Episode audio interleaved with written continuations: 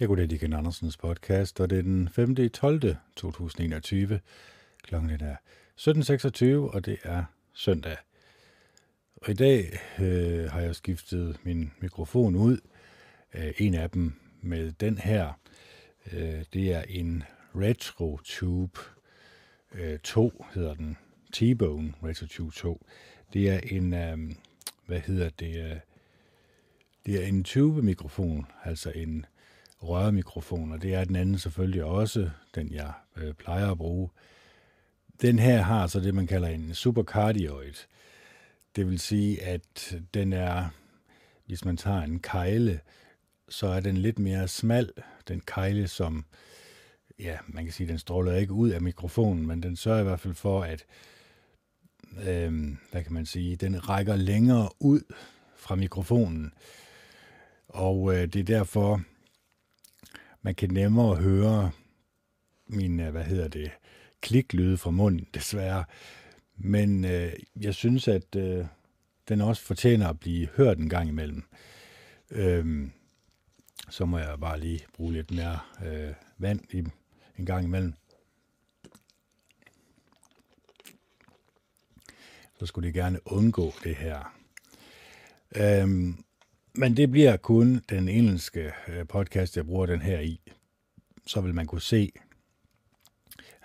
allerede fra, fra billedet eller fra thumbnailen, øh, om det er den engelske eller den danske øh, version. Men nu synes jeg lige, øh, at jeg vil, hvad hedder det, øh, lige tage den nye mikrofon her. Jeg er ikke sikker på, at vi er nået til, øh, vi er ikke nået til 500 endnu, mener jeg ikke.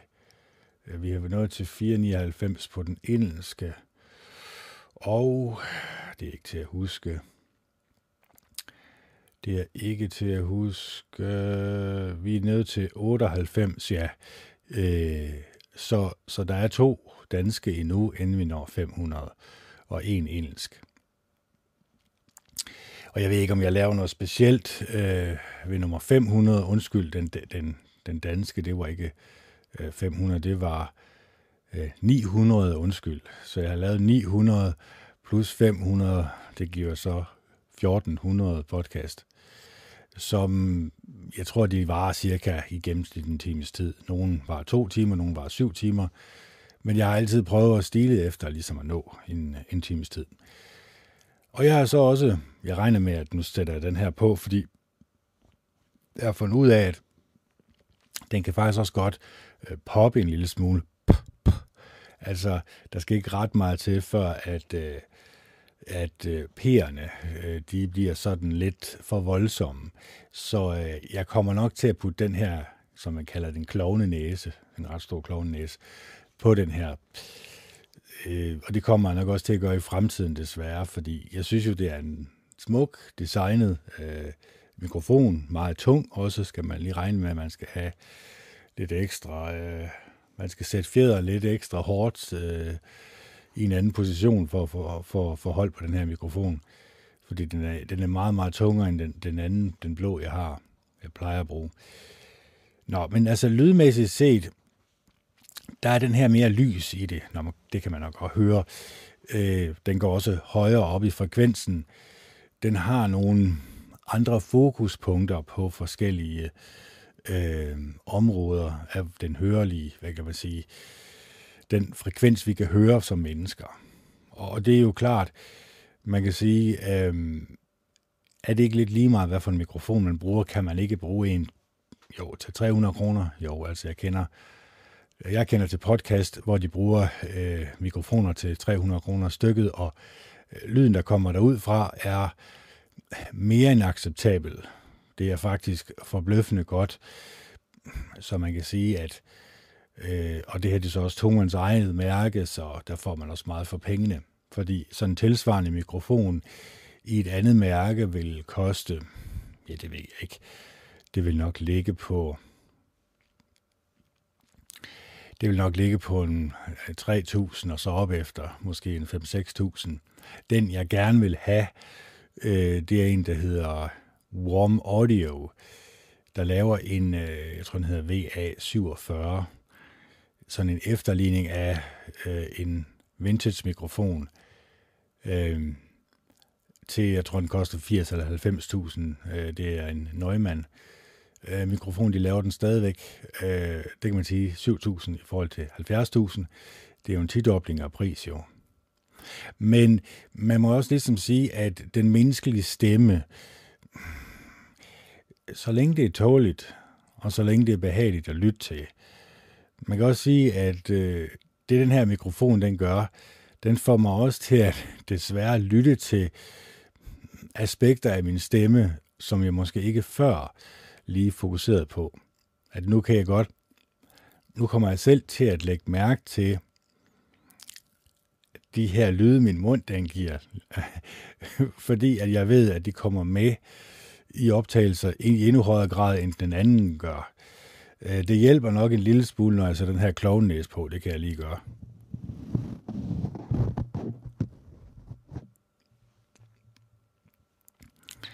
Øh, det, det hjælper nok en, en det hjælper nok en lille smule øh, på, så bliver det ikke så voldsomt. Den tager også en lille smule af de aller, aller højeste toner øh, væk øh, fra podcasten. Den er lidt mere støjende, den her, Øhm, men ja, det, det tager vi stille og roligt. Var det den der vej, vi skulle være? Eller det kan jeg ikke engang se. Det er lidt svært at se. Den ser mere lige ud her. Når jeg sidder og kigger her, så er den lige... og så ser den skæv ud, når den kigger på skærmen. Så ja, det er det ikke nok at ved. Jeg skal heller ikke spekulere for meget på det her lyd. Det, øh, det går jeg også mange gange alt for meget op i. Det skal være indholdet, vi skal koncentrere os om. Og øh, vi er jo i gang med bogen, Lær at aflæse andre og forudse deres, deres adfærd. Øhm, og vi er kommet til den måde, man siger tingene på. Fordi øh, det er jo ikke bare det, at vi spørger et menneske, hvordan har du det? Og så vedkommende siger, jeg har det fint. Det er, jo, det er jo svært at vurdere, om personen virkelig har det fint.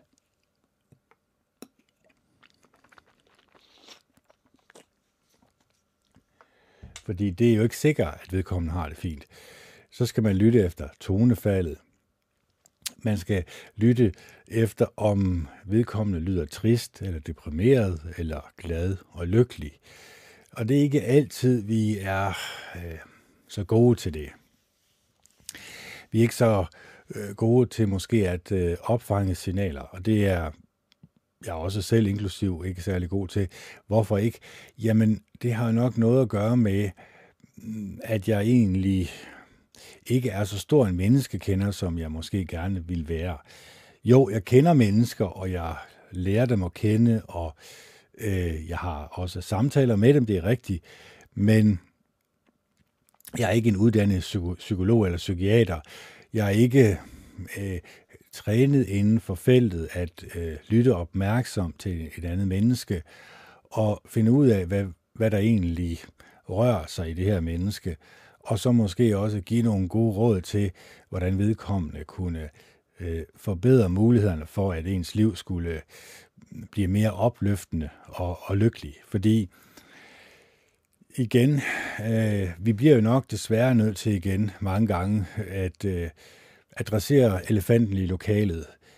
Øh, fordi det samfund, vi lever i, er jo i godt og grundigt i gang med at skabe et A- og B-hold, det er jeg udmærket godt klar over, men vi er også ved at skabe en mentalitet i mennesker, som har noget at gøre med, at vi tager afstand fra hinanden. At vi ikke er så nær til hinanden, som vi var før. Vi ikke er så lykkelige og glade.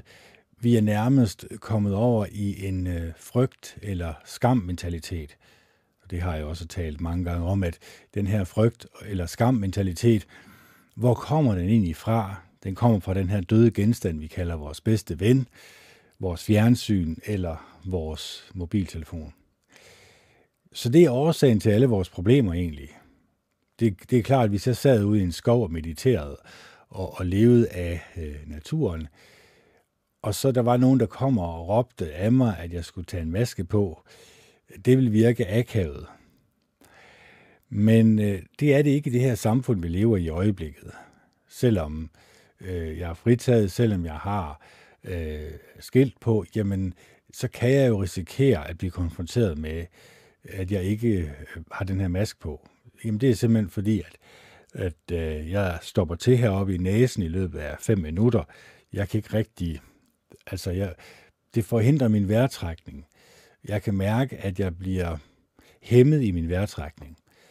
Så derfor øh, kan jeg ikke have den på. Jeg havde den på den første lockdown, men jeg kunne bare mærke til sidst, der, der havde jeg problemer eller vanskeligheder, jeg ved ikke hvorfor, men min krop den sagde ligesom om, at det her, det, det dur bare ikke. Øh, så derfor har jeg fået fat det her skilt jo. Så nu må vi se, hvordan det bliver. Jeg, jeg har ikke oplevet nogen, øh, øh, nogen mennesker, der har generet mig øh, på nogen måde. Øh, folk de respekterer det, at, at jeg er fritaget. Så nu må vi se, hvordan det bliver.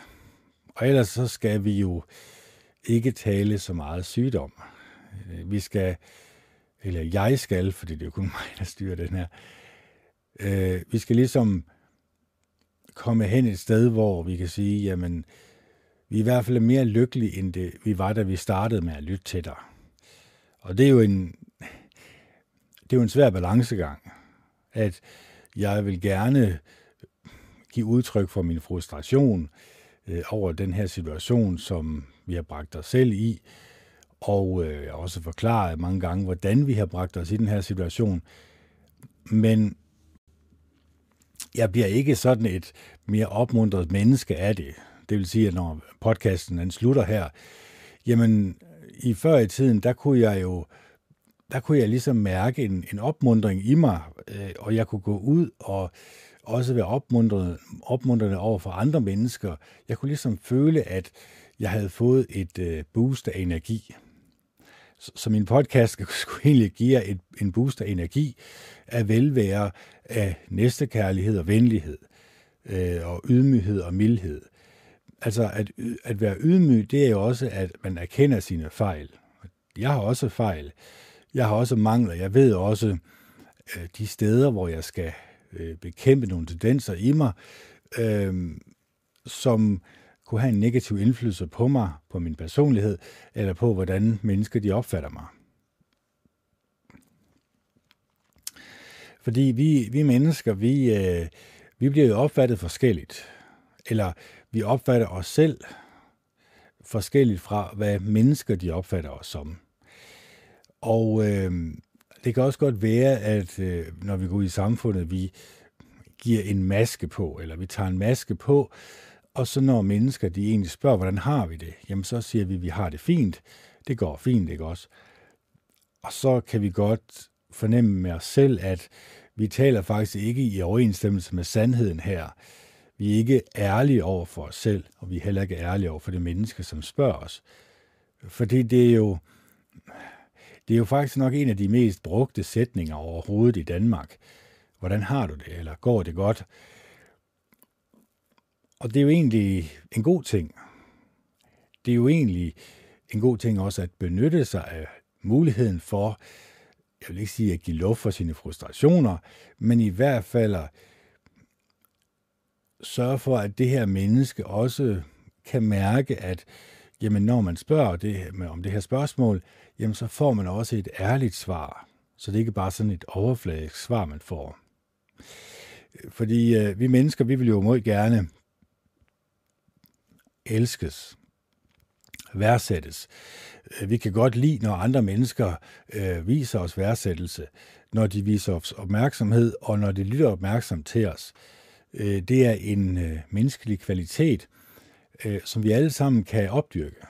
Altså evnen til at lytte opmærksomt til et andet menneske, det burde jo egentlig være på alle skoleskemaer. Det burde jo ikke være øh, øh sygdom, vold, død og ødelæggelse, eller miljøet, som også på en eller anden måde er, øh, at lige pludselig så går jorden under. Det burde jo egentlig være, hvordan kan vi mennesker forbedre muligheden for, at vi hver især har så god en mulighed for, øh, eller vi forhøjer muligheden for, at de mennesker i vores samfund alle sammen er glade og lykkelige. Og øh, det har jeg også talt tidligere om med, hvordan, hvordan kan vi skabe et øh, bedre samfund, eller skal vi skabe et bedre samfund?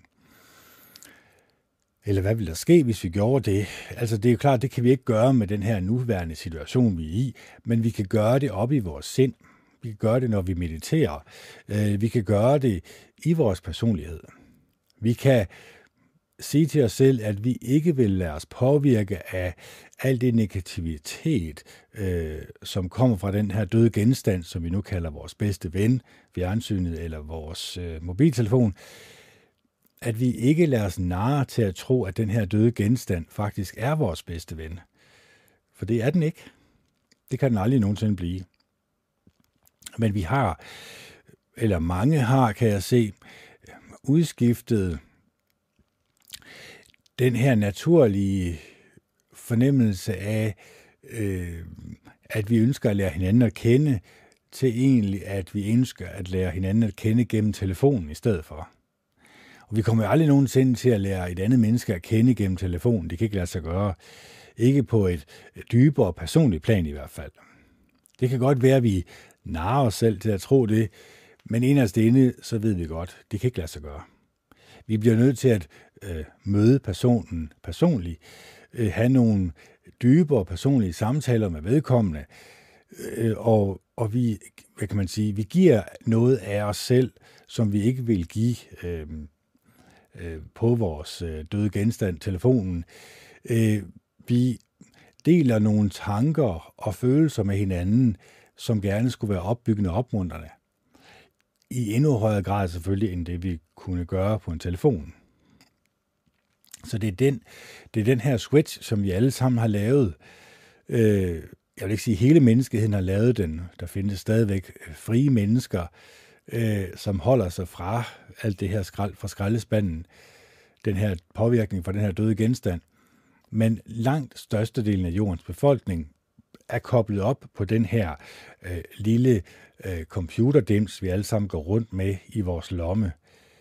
Den er behagelig at have. Den gør livet behageligt for os på visse områder, men på andre områder, der gør den jo faktisk livet mere elendigt for mennesker. Mennesker føler sig mere isolerede og ensomme, og føler også, at de ikke kan leve op til, at de føler, at deres liv ikke er lige så indholdsrigt som de mennesker, som de kan se på skærmen. Så den kan jo egentlig kun skabe en depressiv tilstand. Og den her depressive tilstand, den kan jo kun blive forstærket, når vi isolerer os selv. Så det er også ret vigtigt, at vi selvfølgelig ikke isolerer os selv, men vi isolerer os fra kilden til vores elendighed. Så, så kilden til vores elendighed, det kunne egentlig godt være overskriften. Øh, nu kan man sige, den anden her, øh, nummer tre, skal vi skabe et nyt og bedre samfund øh, Øh, kunne den selvfølgelig også godt hedde, men nu har jeg allerede lavet tre af dem.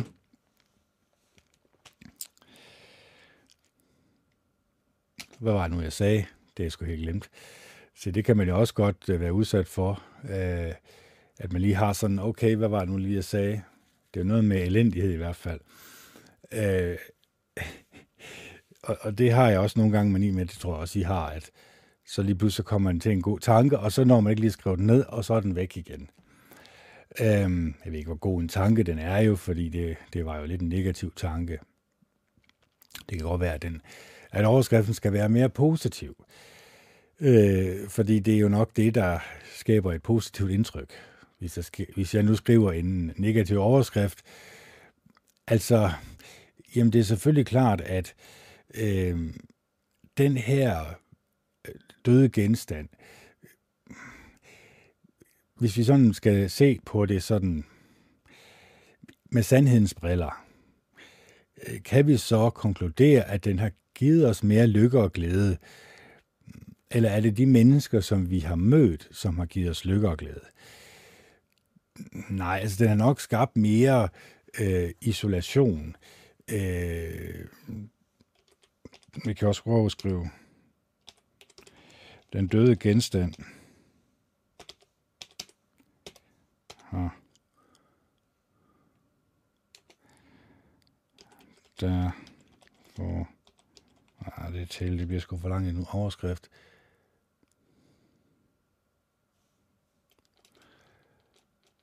Øh, Mm, det ved jeg sgu rigtig, hvad jeg skal skrive der, fordi det bliver alt for lang en overskrift. Det skal man også lige tænke på. Altså, skal vi skabe et nyt og bedre samfund? Det var et bedre øh, ting end den her, den døde genstand. Det er sgu ikke rigtigt. Det kan være, at jeg lige holder en lille pause, og så finder jeg lige ud af, hvad fanden den skal hedde. Yes. Den kom til at hedde Den døde genstand, som vi kalder vores bedste ven. Så ved jeg ikke rigtig om, det kan selvfølgelig godt misforstås, men det er jo klart, at det skal også være en overskrift, som trækker øh, et publikum til, fordi hvad er nu det for noget?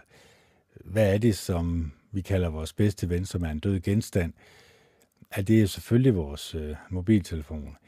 Det er den, som vi spenderer, hvis vi sådan skal også igen kigge med sandhedens briller, spenderer rigtig mange timer på. Måske også for mange timer. at den øh, måske skaber nogle øh, endofin, hvad kan man sige, kick, øh, eller den her afhængighed, hvor vi hele tiden skal, øh, den her fear, fear of missing out, altså vi hele tiden lige skal tjekke vores telefon, fordi vi kender det nok alle sammen, at vi, vi har snakket med en, eller ikke snakket med en, det er også åndssvagt, når vi har skrevet med en over sms, eller hvad det nu kan være, og så venter vi på et svar. Og øh, så venter vi sådan lidt med spænding. Så kan det være, at vi, vi taler med en anden menneske. Vi er godt gang i en dyb samtale. Og så hov, så dukker der en tanke op i vores hoved. Og vi skal da lige huske, hvad, der var et eller andet, der var mere spændende hernede ved min telefon.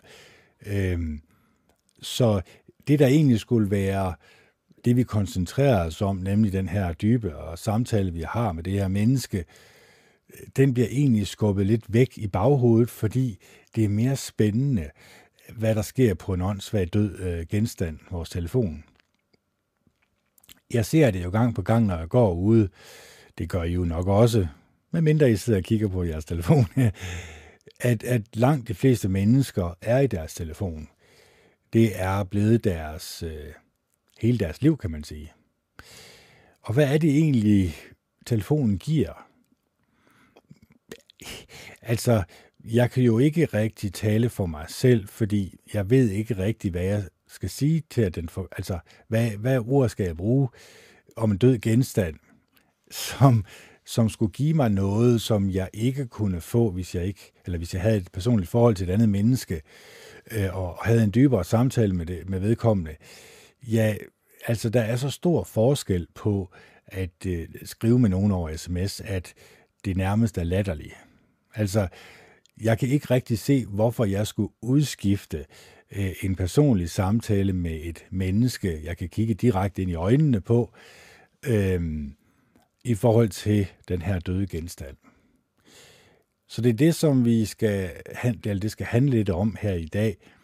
Det skal også handle om, hvordan kan vi aflæse øh, menneskers øh, tonefald. Det er jo meget vigtigt, at vi som mennesker øh, bliver klar over, jamen det er måske ikke lige det, vedkommende siger, men det er måske tonefaldet, som afslører en lille smule, hvordan vedkommende egentlig har det, og går og har det indvendigt. Det er ikke for, at vi skal gå rundt og lege psykolog eller psykiater. Øh, fred være med dem. Og hvis man har brug for, for en, så synes jeg da selvfølgelig, at man skal søge en. Men de her overfladiske samtaler, som vi nok alle sammen øh, har og kender så godt, det er selvfølgelig også behageligt at have. Men der er et eller andet i os, som egentlig øh, savner en eller anden form for bekræftelse, øh, savner en eller anden form for øh, dybere mening med livet. Men i den her søgning efter den dybere mening med livet, der er det jo egentlig nok, øhm, hvad hedder det, der er det jo egentlig nok den dybere samtale, vi egentlig søger, vi søger egentlig bare bekræftelse fra andre mennesker. Og øh, det kan godt være, nu siger jeg noget, som I måske øh, kan take out of context, men jeg vil våge at påstå, at rigtig, rigtig, rigtig mange kvinder, øh, når I lægger mærke til dem, øh, selvom de er sammen med deres kærester, så er de altid i deres telefon. Hvorfor? Øh, fordi mange gange så søger de bekræftigelse øh, fra det modsatte køn. Altså det vil sige, de kan godt lide, at der er mænd, som, jeg kalder man det egentlig et godt øh, ord, som man måske ikke lige kender, øh, simp. Altså, at man er en mand, som søger et seksuelt forhold, øh, og så liker man og skriver til vedkommende og virker desperat for at få den her kvindes øh, opmærksomhed. Det kan være på Instagram for eksempel. Og, og det gør jo selvfølgelig, det forstærker jo egentlig bare deres... Øh, ja, kvinder vil utrolig gerne have opmærksomhed. Det er nærmest deres øh, brændstof. Hvis de får opmærksomhed fra andre mænd, jamen, jeg vil sige, det er nærmest ligesom, øh, øh, jeg vil sige, det er ikke sex for, for mænd, men det er i hvert fald øh, så stærk en følelse i kvinder, at øh, du kommer nok, kommer nok ikke til at få dem til at slette deres øh, Instagram, fordi det er der, hvor de får bekræftelse på øh, deres skønhed, bekræftelse på, at de er en god person. Den burde jo komme fra øh, deres kæreste. Der burde jo egentlig en gang i ugen være en personlig samtale på i hvert fald en, måske to, måske tre timer, hvor man taler ud om tingene, sådan at kvinden ikke bare taler ud om tingene øh, ved deres veninder, det burde, fordi så kommer det forhold altså ikke til at køre ret godt, øh, når man ikke er ærlig over for hinanden, men man går med skjulte tanker om hinanden, øh, Øh, man går med tanker om, at hvis jeg siger det her, så reagerer vedkommende på den og den måde, og så får man det ikke sagt, og så får man det sagt til sine veninder, men altså, så kan du lige så godt stikke tungen ud af vinduet. Det, det hjælper ikke en skid og det har jeg også forklaret og talt om i 10.000 vis af timer, øh, hvordan vi mennesker, vi på grund af, at vi ikke ønsker at såre andre mennesker, eller gå for tæt på andre mennesker, eller fortælle, hvad vi i virkeligheden tænker inderst inde, det forhindrer os egentlig i at få et godt og nært forhold. Så bliver det mange gange bare sådan et seksuelt forhold, og så er det jo også fint, øh, fordi når mand har fået sex, Nå ja, så er vi egentlig glade og lykkelige, så må hun egentlig godt bare holde sin kæft. Sjov igen.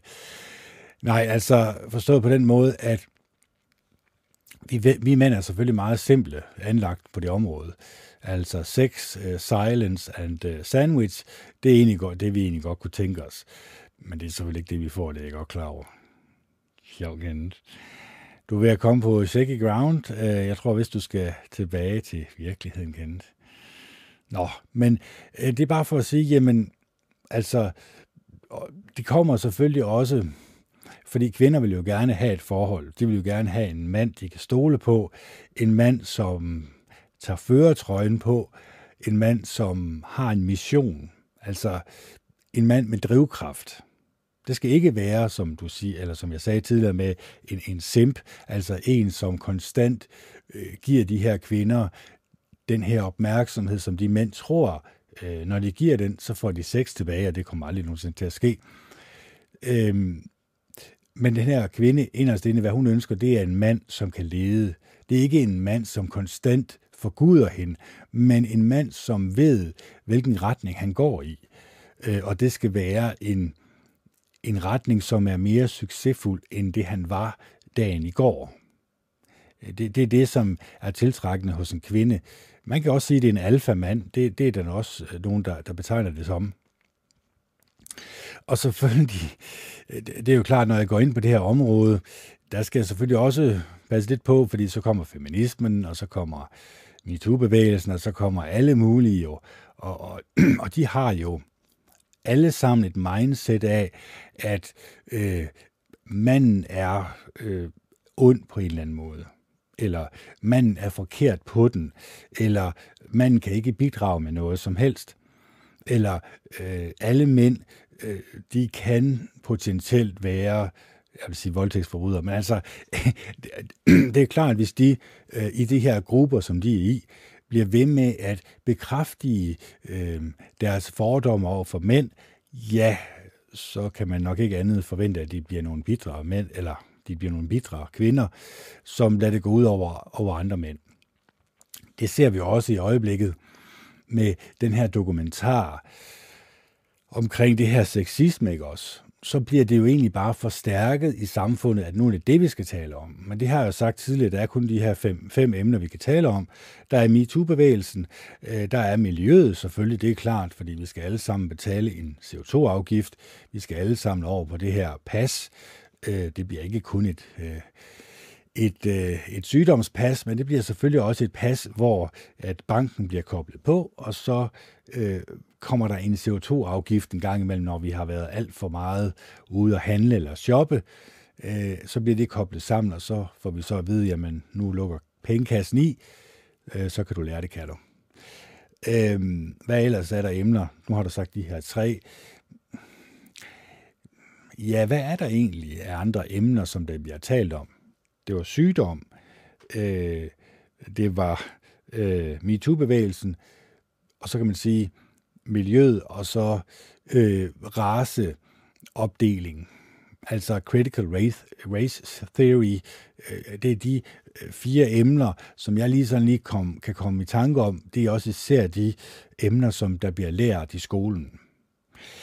Så det er klart, at når mennesker ikke ønsker at øh, udvide deres horisont til måske også at tænke at der måske er andre mere positive emner, man kunne tale om, så bliver det jo selvfølgelig sådan, at det samfund, vi ser, det bliver en flok mennesker, som når de skal svare på spørgsmål, eller når de skal stille sig selv spørgsmål, jamen så bliver de fra den pose, som de går rundt og kigger i. Det er klart, hvis du går rundt og kigger i en pose, øh, hvor der kun er de her emner i, jamen så bliver det meget, meget svært for dig at tale om øh, næstekærlighed og venlighed. Det at være som den barmhjertige samaritaner.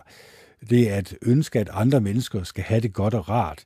At man ønsker, at andre mennesker skal være lykkelige og glade, skal være mm, deres liv skal være fyldt med gode og rare oplevelser og gode og rare venner.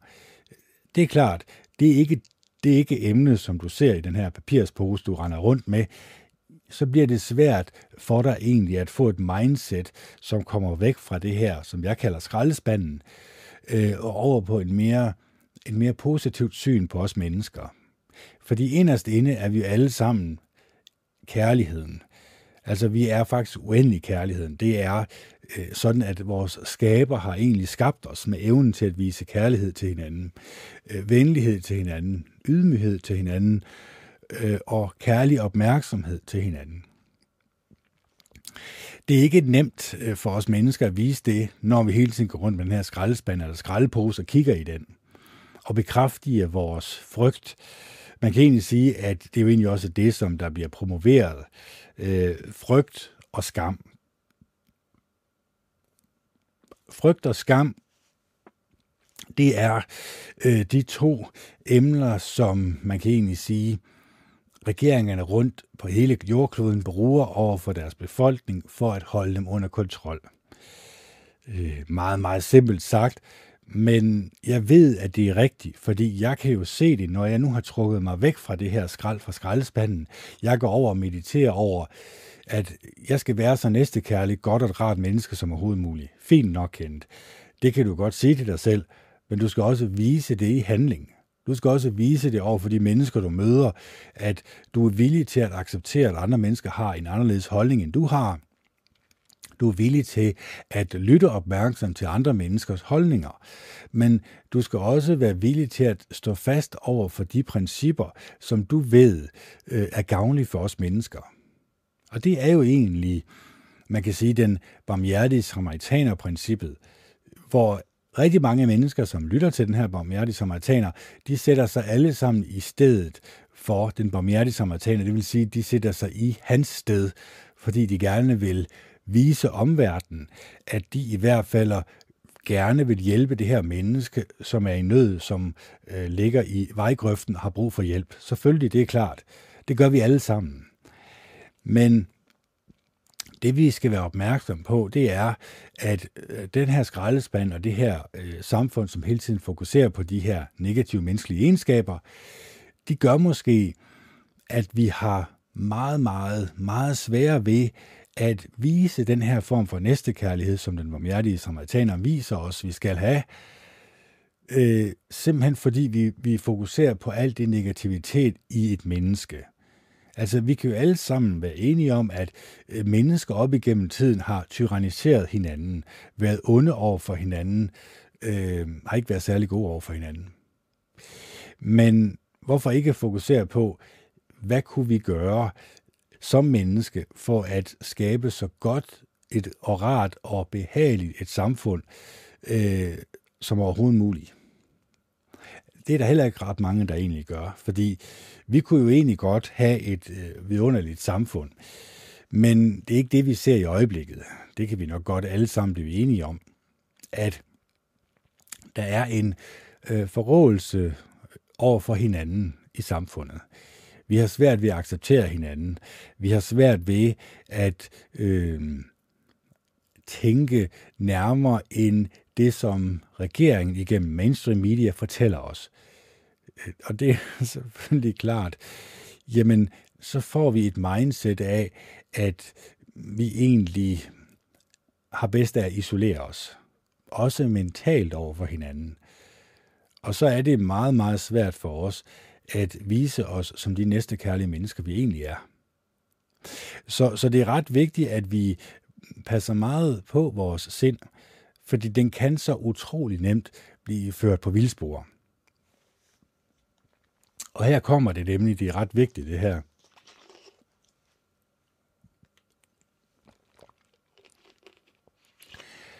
Hvordan kan vi blive ført bort? Fordi hvis vi kigger på fortiden, vores forhistorie, så kan man spørge sig selv, mennesker i Tyskland, hvordan i himlens navn kunne de øh, komme så vidt? Hvordan kunne de øh, synke så dybt øh, med, medmenneskeligt set? Altså at de slog deres medmennesker ihjel, torturerede dem, lavede medicinske eksperimenter på dem, som er noget af det mest øh, voldsomme og grusomme, man kan begå som menneske.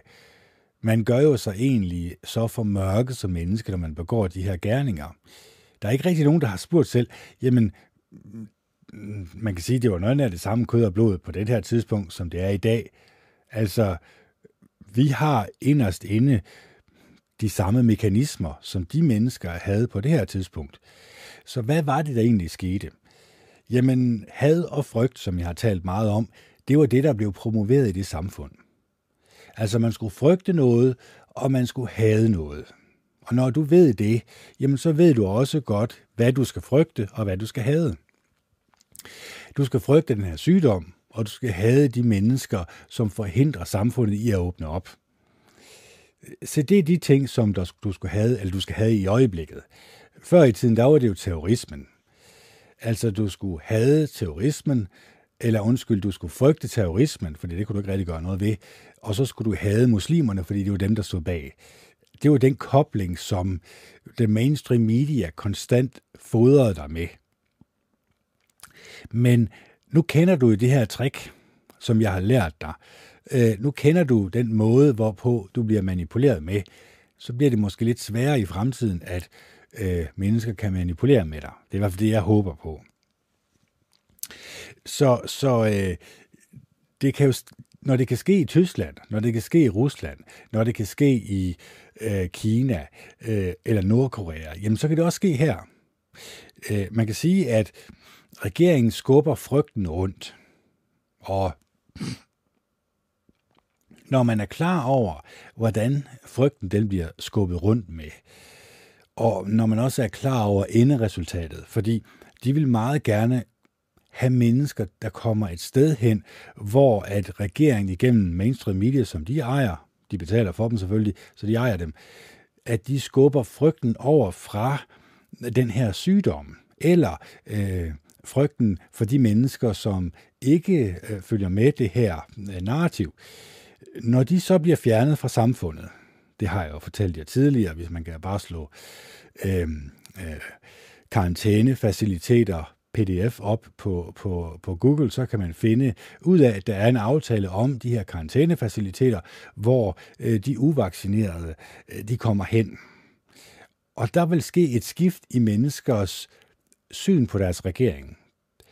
Og det, og det skift, det er det, de gerne vil have. Fordi lige snart der er det skift, så vil civilbefolkningen, den resterende civilbefolkning, de vil begynde at frygte deres regering frygte deres regering så meget, der ville nærmest gå et lys op for dem. Hovsa, nu putter vi, nu putter vi folk i lejre. Det var der noget i forhold det var ikke særlig godt. Uha. Så er der to muligheder. Enten kan du gå oprør, eller så kan du følge med, og så kan du se efter, hvor langt eller hvor dybt kan din regering igennem mainstream media egentlig føre dig hen. Og, de, og det viser sig jo op igennem verdenshistorien, at mennesker kan føres meget, meget voldsomt hen et sted, hvor de kan begå grusomheder over for deres medmennesker. Og det har noget at gøre med deres adlyden. Det hører jeg jo gang på gang. Jamen, nu er lovgivningen sådan, så gør vi sådan. Altså, sådan er det bare.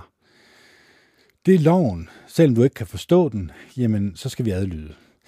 Og det er jo det, som de benyttede sig af dernede i Tyskland, at hele tiden, jamen, så skulle der egentlig bare laves en ny lov, og så kunne der demoniseres nogle mennesker, og så kunne deres frihed blive taget fra dem, så kunne det blive puttet i ghettoer, øh, og så længe de resterende befolkningsgrupper øh, i samfundet øh, accepterede det, nå ja, men det så regeringen selvfølgelig som et, øh, alt, hvad kan man sige, de så det som øh, en tommeltot op til, at så kunne de egentlig bare fortsætte.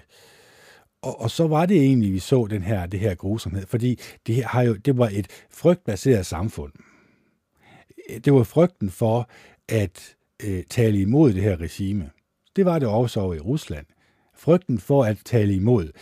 Så du kan spørge dig selv, har du frygt for ikke at gøre det rigtige, som din regering gerne vil have dig til at gøre? Fordi den frygt kan føre dig et meget, meget dårligt sted hen. Altså, man kan sige, øh, hvorfor lader jeg mig egentlig teste? Fordi jeg havde jo også en, hvad kan man sige, jeg havde en periode her, hvor jeg virkelig tænkte grundigt over, jamen skulle jeg egentlig sige nej tak til det her, miste min uddannelse, miste mit job i sidste instans, der må jeg ligesom tage en indstilling på at sige, jamen, den her sidste måned her på grundforløb, den må jeg stå imod, eller undskyld, der må jeg, der må jeg simpelthen acceptere, at jeg skal teste de her tre gange i ugen, for at jeg så kan få den her grundforløb. Fordi hvis jeg har grundforløbet, så kan man sige, så skal jeg i det mindste ikke have øh, de her øh, 20 uger igen. Jeg ved ikke, hvad der fremtiden bringer. Det er jo klart, altså, de kan jo banke på i morgen, øh, militæret, og så er det egentlig bare afsted til the concentration camps. Men igen, jeg synes jo, at jeg skal fortælle jer, hvad fremtiden den bringer, når at mennesker lader deres øh, frygt øh, og også lade flertallet bestemme. Det har også noget med frygt at gøre selvfølgelig, fordi du går aldrig nogensinde imod strømmen. Det er der ikke ret mange mennesker, der gør. Øh, det er et fortal af mennesker, øh, som ikke lader sig styre et andet sted fra. De lader sig styre af avisen, de lader sig styre af nyhederne, de lader sig styre af deres regering. De ser hen til deres regering øh, for vejledning i den her krisesituation, øh, som er så forfærdelig, at vi alle sammen dør i morgen. Nå, men altså, nu kan man sige, nu har jeg i hvert fald brugt de første 43 minutter på at fortælle jer, hvordan vi bliver manipuleret med. Og det er selvfølgelig klart, at øh, jeg kunne også godt bare have talt om næstekærlighed og venlighed her de sidste øh, stykke tid. Men igen, som jeg siger i alle mine podcast, det fortjener jo ikke. I fortjener jo, at I får hele sandheden at vide om det samfund, som vi lever i. Vi kan se det øh, når vi kigger ud over hele Europa, jamen, øh, hvad er det Belgien og øh, Auschwitz, hvad jeg vil sige, det var det ikke, øh, Østrig tror jeg det er, jamen, øh, der er noget med, at det bliver øh, mandatory, altså øh, de bliver øh, tvunget nu her til at øh, modtage de her vacciner. Så jeg troede ellers, at det var frivilligt, men det var det så åbenbart ikke. Og, øh, og det bliver først den dag, vi accepterer, som menneske, at vores regering øh, prøver på at slå os ihjel. Og det er en voldsom tanke at komme med. Det kan vi sådan set ikke rigtig acceptere. Det kan vi sådan set ikke rigtig wrap our heads around, som man siger.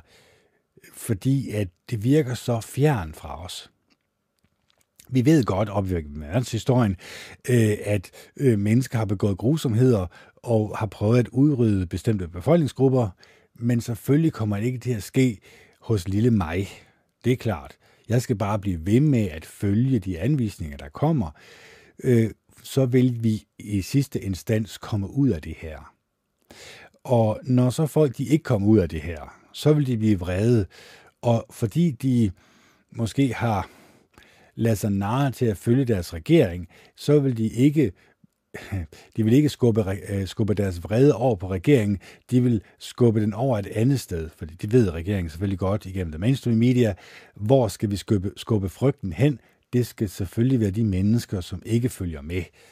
Øh, de mennesker, som har sagt nej tak øh, til at modtage de her øh, eksperimentelle indsprøjtninger. Så, så det er klart, når først mennesker de opdager, at det ikke ender med, at øh, de her mennesker bliver fjernet fra samfundet, så vil der gå et lys op for mennesker, men det vil bare skabe endnu mere frygt i det her menneske, og så vil det her menneske i endnu højere grad adlyde regeringen, fordi nu er man lige pludselig, nu er frygten øh, for de her mennesker er blevet fjernet fra samfundet, nu er det sådan set frygten for regeringen, øh, der kommer til at være menneskers mentalitet. Og det bliver ikke særlig sjovt. Det, det, det har været op igennem verdenshistorien viser. Det, skulle, det var ikke lige så godt, det der. Men igen, jeg har sagt det tidligere, og vil gerne sige det igen. Man ligger, som man selv har ret, jo. Altså, jeg kan jo også godt forstå mennesker, som øh, vælger ikke at sige nej tak til det her, vælger at følge med. Man kan sige, at jeg følger også en lille smule med i, for det bliver jeg nødt til, eller nødt til gør jeg ikke, men vi jeg gerne have en uddannelse så er det bare ikke noget at komme efter. Øh, så, så det er sådan lidt at vælge mellem pest eller kolera. Sjovt sagt, det er også noget, det er med sygdom at gøre. Men vi skal som mennesker komme væk fra den her mentalitet af øh, hele tiden at øh, stole på vores regering. Hele tiden sige, at øh, de gør det rigtige. At de fører os et godt sted hen. For det der, det viser sig, at det gør de ikke. Og det kommer de aldrig nogensinde til at gøre. Så øh, vi skal tage vores frihed tilbage til os selv. Vi skal tage evnen til at tænke os grundigt om øh, tilbage til os selv. Og den eneste måde, vi kan gøre det på, det er at sige nej tak til skraldespanden, begynde at meditere, begynde at komme i kontakt med dig selv, og så ærligt spørge dig selv, er det virkelig den her måde, du gerne ønsker at leve resten af dit liv på. Fordi det er selvfølgelig et kort liv, vi lever. 80-90 år, ikke også? Øh, nogle gange, øh, hvis vi er heldige, ikke også? Øhm, og jeg er udmærket godt klar over, at vi får en opstandelse. Altså jeg er udmærket godt klar over, at øh, vi alle sammen kan henvende os til Jehova Gud den Almægtige. Jeg er udmærket godt klar over, at han eksisterer, for det er også meget, meget simpelt og nemt at forklare mennesker. Det er jo egentlig bare at sige til dem, Jamen alle mennesker, alle 7,8 milliarder mennesker, vi stammer alle sammen fra det samme sted.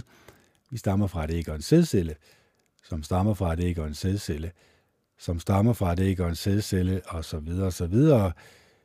Det vil sige, at vi stammer fra noget, som kunne placeres på toppen af knapnålshovedet. Det kunne du så også placere på toppen af knapnålshovedet, det er vores far og vores mor. Det kan du så også placere på toppen af knapnålshovedet, det er vores bedstefar og bedstemor. Og så videre, og så videre. Det ser jeg jo som rimelig intelligent lavet. Derfor må der selvfølgelig også være en intelligent skaber bag. Hans navn er Jehova Gud den Almægtige. Det er ham, der har skabt os. Det er ham, der har skabt universet. Det er ham, der har skabt os med evnen til at vise hinanden uendelig kærlighed. Men fordi vi mennesker, vi lader os meget nemt blive draget og lokket i den forkerte retning, ja, så ender vi måske et sted, øh, som den situation, Jesus han endte i, nemlig at blive hængt på en pæl, eller et kors, eller hvad vi nu kan finde på. Han blev i hvert fald tortureret til døde.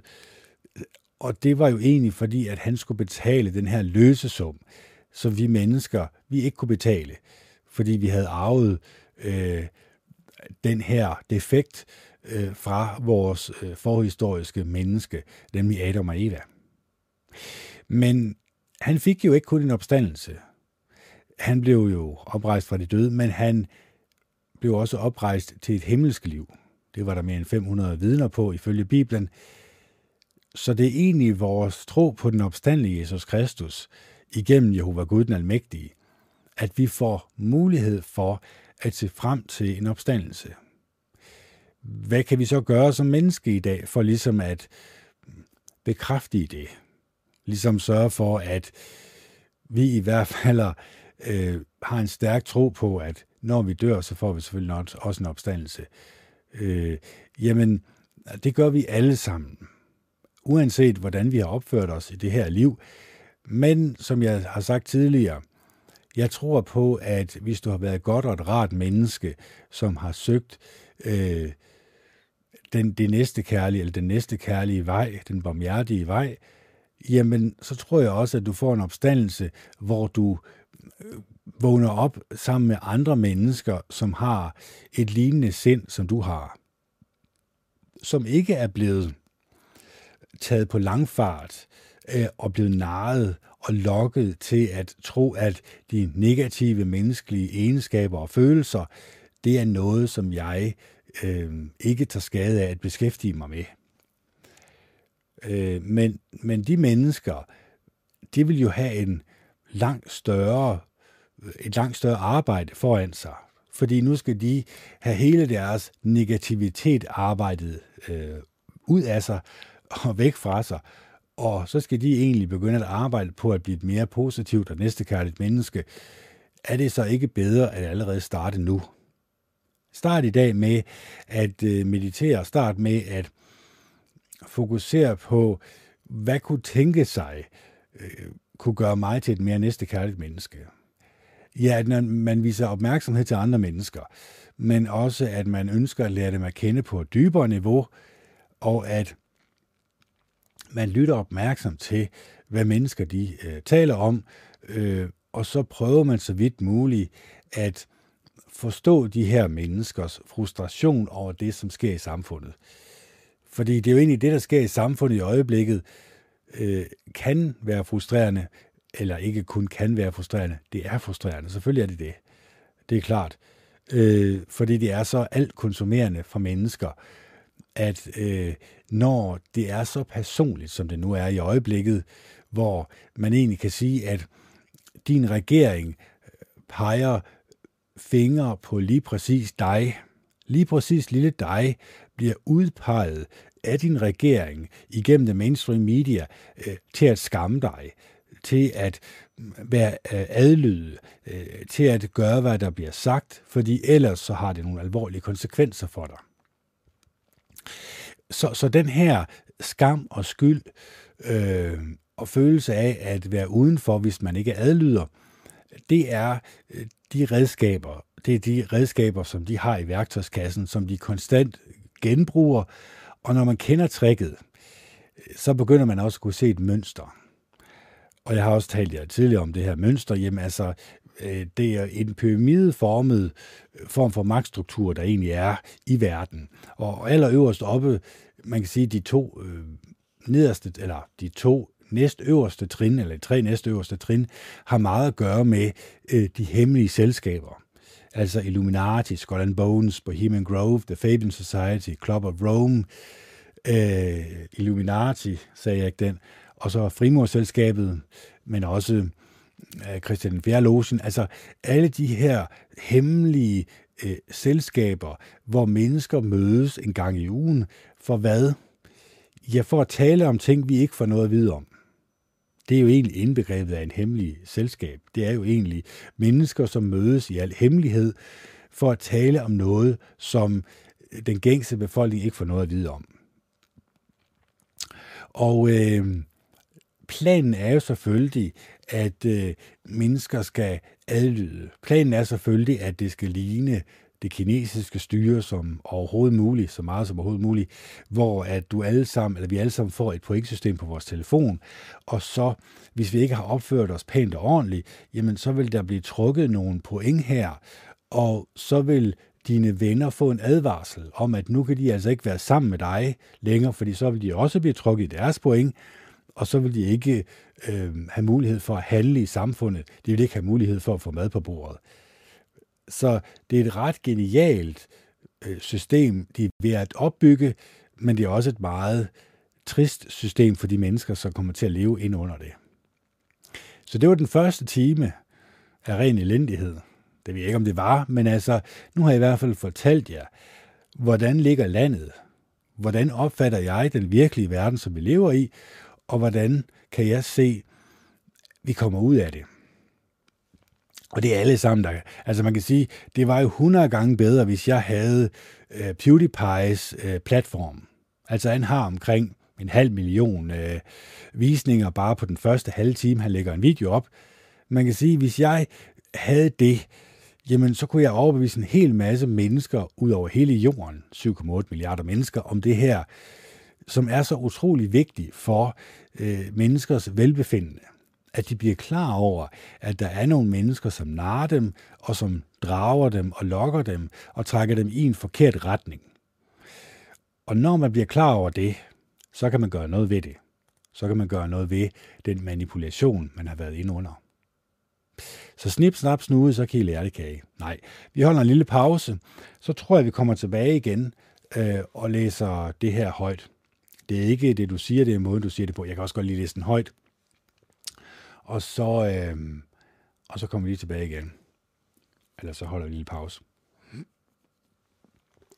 Det er ikke det, du siger. Det er måden, du siger det på. Lær at høre mere end bare ord. Da jeg var barn, plejede min mor at sige, det er ikke det, du siger, det er måden, du siger det på. Adskillige år senere siger jeg det samme til mine egne børn. Deres adfærd minder mig dagligt om, hvor stor en del af vores holdninger vi afslører. Ikke gennem de ord, vi siger, men gennem den måde, hvorpå vi udtaler dem. Der finder i virkeligheden to dialoger sted under en samtale. Den ene ved hjælp af ord, den anden ved hjælp af tonefald. Ær til harmonerer de, men ofte gør de det ikke – når du spørger nogen, hvordan har du det, og får svaret fint, kan du som regel ikke regne med, at ordet fint fortæller dig, hvordan hun har det. I stedet må du lade hendes tonefald fortælle dig, om hun virkelig har det fint, eller om hun er deprimeret, ængstelig, opstemt eller oplever en ud af et dusin andre følelser. Når du lytter til tonefaldet, styrken, stemmens stigning og falden og andre vokale karakteristika, stiller du ind på den nonverbale samtale, hvor du ofte vil finde den sande grundbeskaffenhed. En hver med normal hørelse kan opfange de signaler, som folk sender via deres tonefald. Men det er de færreste af os, der forstår dem alle. Det skyldes til dels, at der er stor konkurrence om vores opmærksomhed, når vi kommunikerer med andre. Vi vurderer deres udseende og deres kropssprog. Vi lytter til indholdet i deres ord, og vi jagter deres handlinger. Måske kæmper vi oven i købet for at identificere en eller anden personlig intuitiv reaktion over øh, for personen eller situationen. Vokale raffinementer kan forsvinde blandt alt dette. Det er let at bemærke det budskab, som en person sender i et surt, øh, trist eller frustreret tonefald. Men hvis du ikke er meget overvågen, kan du komme til at overhøre et flygtigt strejf af ængstelighed, frygt eller forlegenhed. Jeg har lært mig selv at lytte til disse vokale fingerpeg og, genka- og genkende deres nuancer, fordi et sådan momentant eller momentant glimt kan være det eneste vink, jeg får om en potentiel nævninges tvivl eller sande følelse over for en klient. I dette kapitel udforsker vi de bevidste og ubevidste måder, hvorpå folk kommunikerer via deres tonefald – vi forklarer, hvordan du kan stille ind på disse ofte flygtige vokale spor, og vi desekviserer de budskaber, som de fleste almindelige vokale træk indeholder. Så vi kommer her til at høre mellem linjerne, men det tager vi lige øh, om en halv times tid, eller hvor lang tid det nu tager. Yes, så er vi klar igen. Og jeg synes egentlig bare, at vi, øh, vi fortsætter med at øh, læse op her fra bogen. Og så, øh, så tager vi ligesom en analyse efter hver afsnit.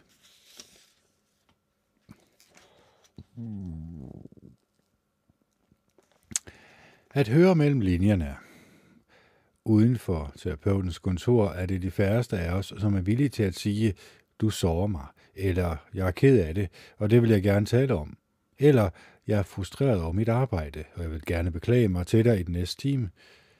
I stedet giver vi signal om øh, disse følelser med nogle vokale fingerpege. Vi leger følelsesmæssig gennemleg. En trist person længes måske efter sympati, men føler, at hun har brug for vores tilladelse til at bringe emnet på banen. Hun sukker, taler lavmældt, svarer kortfattet, når hun bliver spurgt om noget, og sammenkobler disse vokale spor med kropssprog, som for eksempel nedslagende øjne og slappe, livløse bevægelser. Til sidst fatter du budskabet, spørger, hvad der er i vejen, og giver hende dermed den tilladelse, som hun søger. En sådan adfærd synes måske manipulatorisk, men den er et produkt af vores socialisering.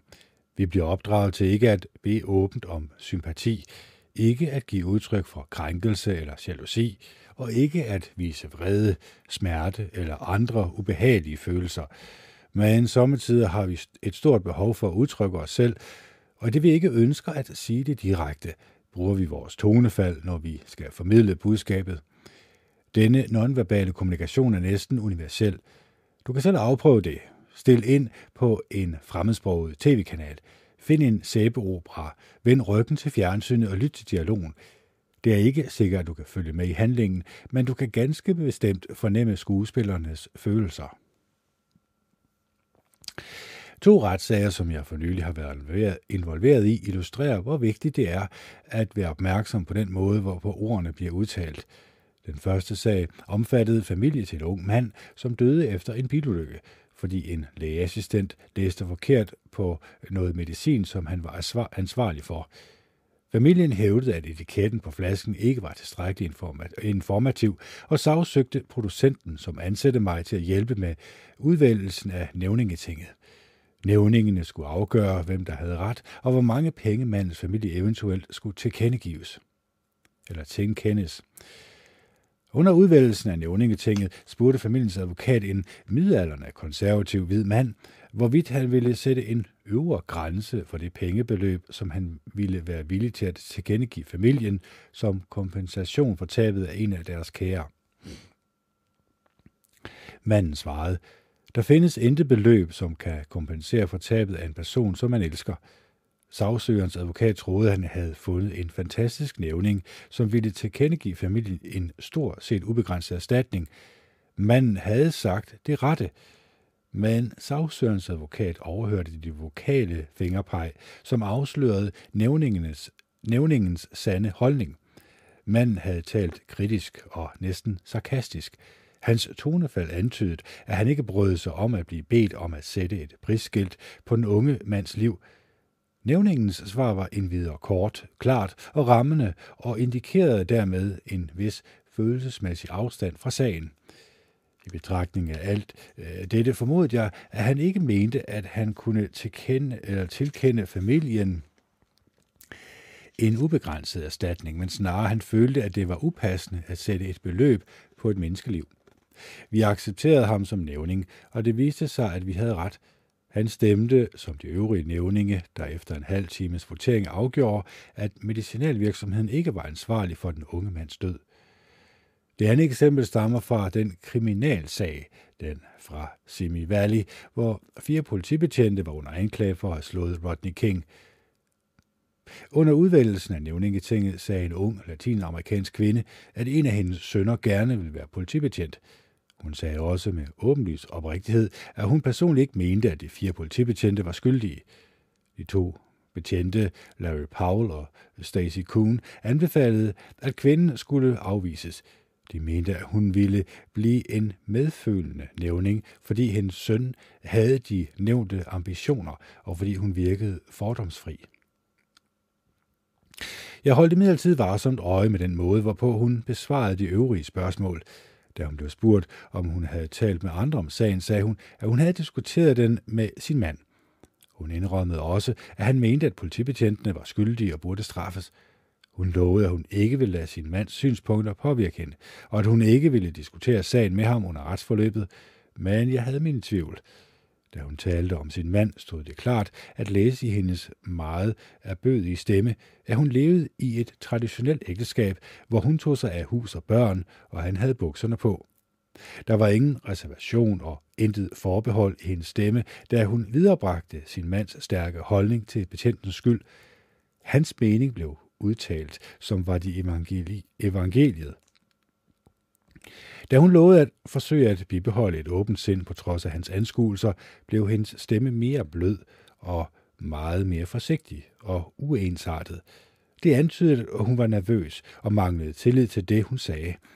Hun mente, at hun måtte overvinde en væsentlig psykologisk barriere, hvis hun skulle stemme ikke skyldig, i betragtning af, at hun i givet fald ville pådrage sig øh, mandens vrede og ringagt. Det viste sig senere, at hun var den ene af tre nævninge, som stemte for at erklære betjent Paul skyldig. Du vil være i stand til at reagere på de potentielle kritiske budskaber, der ligger skjult i en persons tonefald, hvis du forstår, hvad de forskellige vokale fingerpeg betyder, og hvis du lærer dig selv at lytte til dem. Det kan du gøre ved at følge disse trin. Fokuser på stemmen, ikke på ordene, fra tid til anden under samtalen. Spørg dig selv, hvorvidt stemmen afspejler frivillige eller ufrivillige karakteristika. Hold udkig, med, hold udkig efter mønstre. Øh, spørg dig selv, hvorvidt stemmen lige nu afviger fra den øh, sædvanlige tonefald, eller om den på nogen måde er overdrevet. Det vil sige, at du skal lytte efter afvielser og ekstremer. Sammenlign stemmen med personens kropssprog og ordvalg. Tag miljøet i betragtning decifere de vokale spor. Så her var der egentlig tale om øh, de her retssager, hvor at øh, advokaterne skal finde ud af, hvad der tjener deres klient bedst. Og selvom de her mennesker måske giver udtryk, eller øh, de siger noget, så kan man i deres tonefald fornemme måske en sarkasme, eller måske en nervøsitet, som kan antyde, at de måske ikke er så øh, upartisk, som de måske giver udtryk for.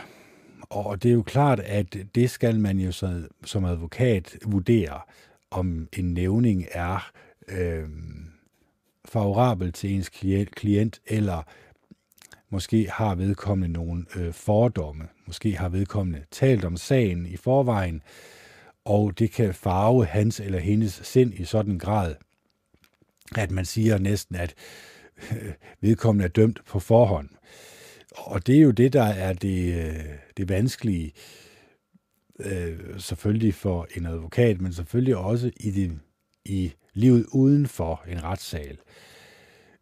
Det er jo klart, at øh, de mennesker, som vi møder, jamen, de har jo haft deres op- og nedtur i livet. Det har vi alle sammen.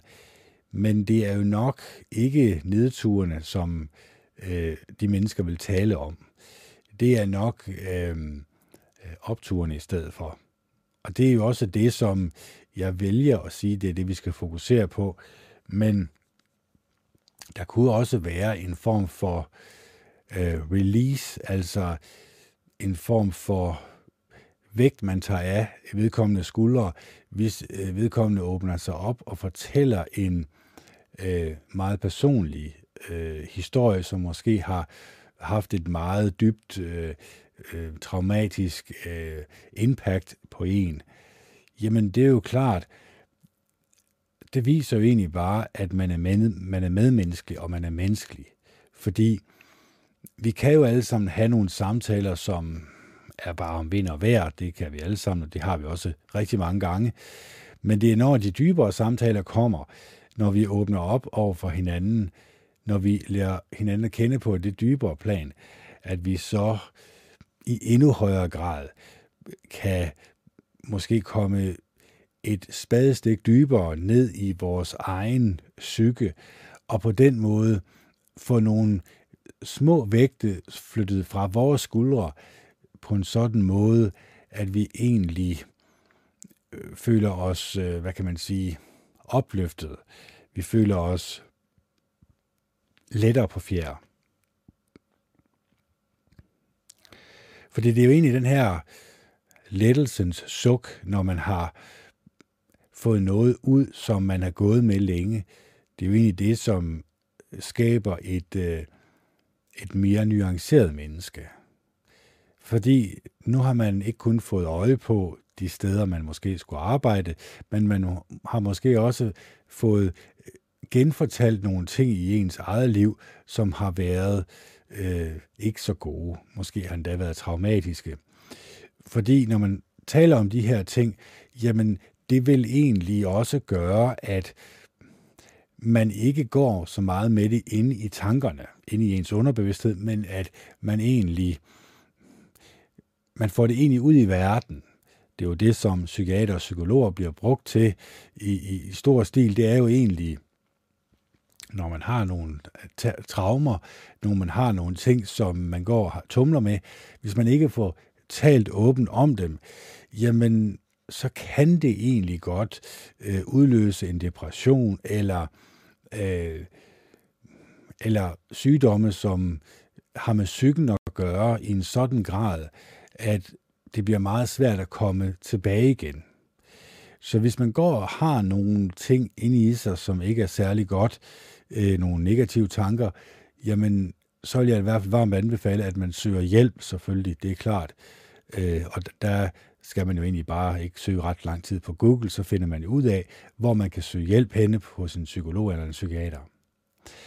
Så øh, fortæl tingene igennem med, med sine medmennesker, øh, også på det lidt dybere plan, synes jeg jo, øh, kan hjælpe os som mennesker øh, til i endnu højere grad at komme i kontakt med øh, den her uendelige kærlighed, som vi alle sammen indeholder, men som vi måske har, øh, vi har sat alle sammen sat nogle barriere op, vi har sat nogle, hvad kan man sige, skjolde op, øh, simpelthen for, at vi ikke ønsker, at andre mennesker skal komme for tæt på, det er klart, men går vi igennem livet på den måde, ja, så bliver det måske lidt ensom og trist til sidst.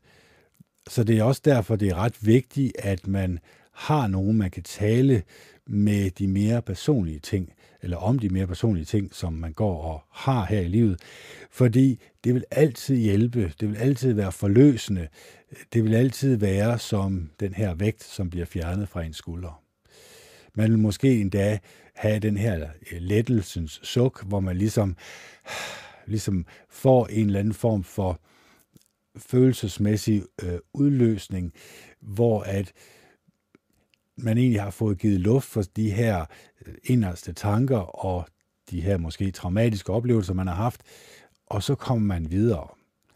Fordi så har du en, så har du grobund for, at du i hvert fald kan arbejde dig endnu dybere ned i dit inderste, og så finde frem til den her uendelige kærlighed, som vi alle sammen indeholder. Fokuser på stemmen, står der. Man kan kun absorbere en begrænset mængde information i et givet øjeblik. Det er vanskeligt at koncentrere sig om ens persons ord, mens man samtidig kategoriserer hendes smykker og bemærker, hvorvidt hun lægger benene over kors. Når der er så mange faktorer, der konkurrerer om vores opmærksomhed, kommer vi let til at overhøre tonefaldet, medmindre de er yderliggående. Vi er tilbøjelige til at være mere opmærksomme på ordene end på tonefaldet af den simple årsag, at ord kræver et svar. Hvis vi bortleder vores opmærksomhed fra samtalens indhold, mister vi sommetider fuldstændig følingen med den. Alligevel forekommer der øjeblikke under en samtale, hvor du kortvarigt kan skrue ned for indholdet og op for tonefaldet.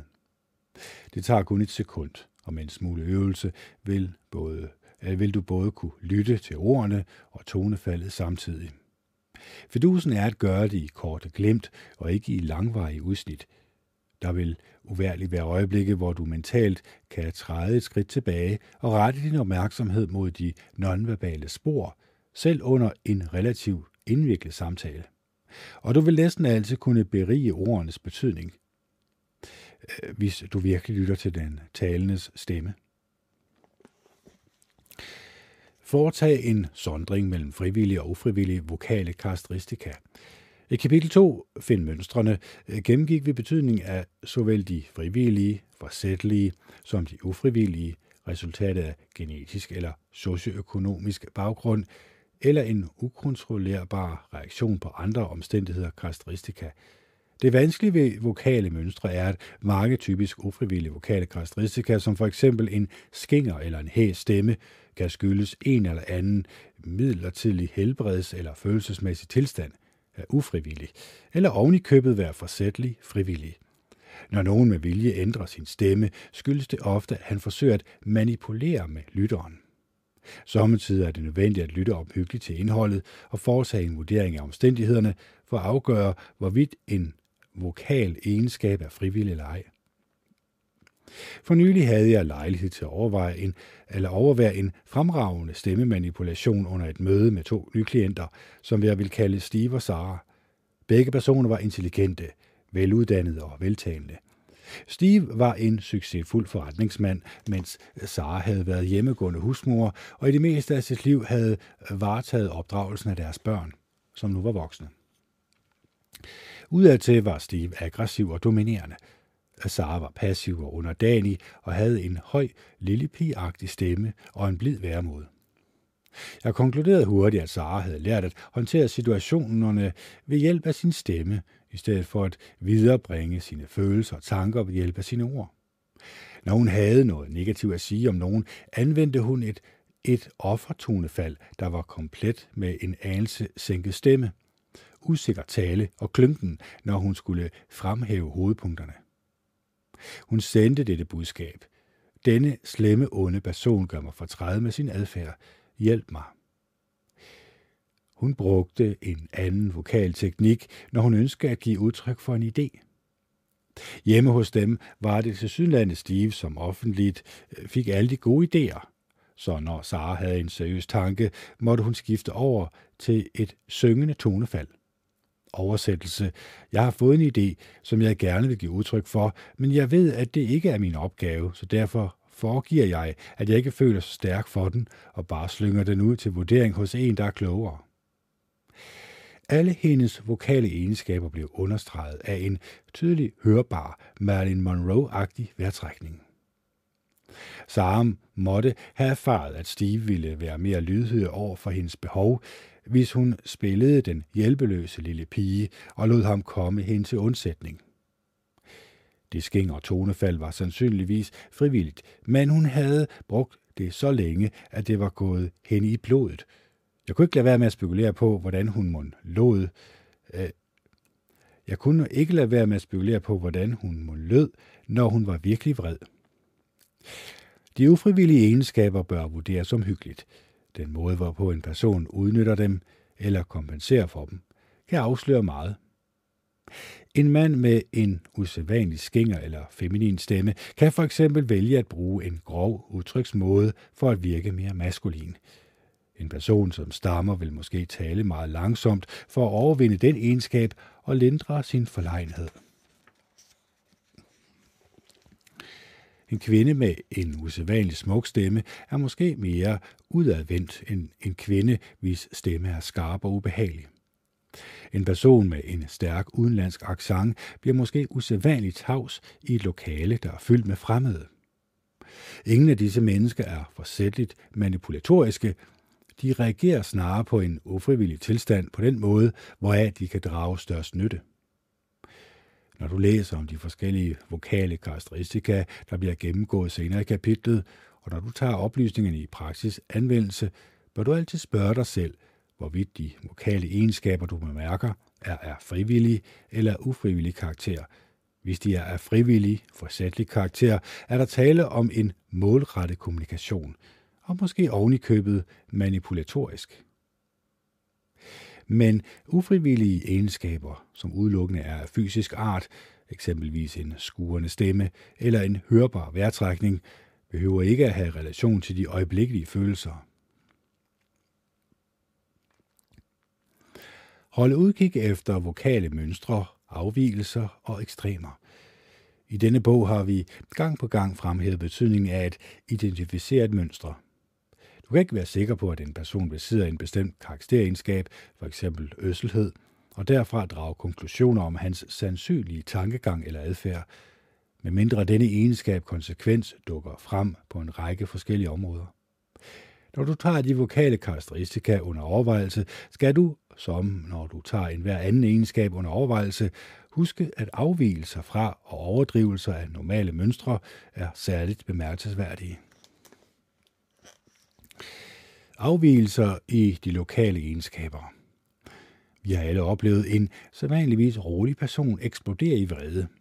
Når han har forladt lokale, kigger vi andre på hinanden og siger noget i retning af, hold da op, hvor må han være gal. Sådan har jeg aldrig set ham før. Vi kender også alle en hissigprop, som ved den mindste provokation fra i flint. Når han forlader lokalet, kigger vi også, og, os omkring, trækker på skuldrene og siger, det er det sædvanlige. Vi ved, at vi ikke skal tage hans øh, vredesudbrud alt for alvorligt, fordi vi kender hans normale adfærd. Det er ikke sikkert, at du er i stand til at gøre dig selv bekendt med en persons vokale stil i løbet af et enkelt møde, men første gang du træffer hende, bør du lægge mærke til hendes generelle tonefald og andre grundlæggende vokale egenskaber. Når du har identificeret hendes primære vokale mønstre, bør du være på vagt over for eventuelle afvielser. En person, som normalt er velafbalanceret og har en rolig vokal udtryksmåde, viser måske sin vrede ved at blive ukarakteristisk stille eller trække vejret tungt og ikke ved at hæve stemmen og tale hurtigere, som mange andre måske ville. Alt skal ses i relation til personens normale adfærd. Det er lige så vigtigt at huske, at en person, som måske synes usædvanligt følelsesbevæget, første gang du møder ham, kan fremstå helt anderledes den følgende dag eller uge. Du må ikke foretage forhastede vurderinger, medmindre det er absolut nødvendigt.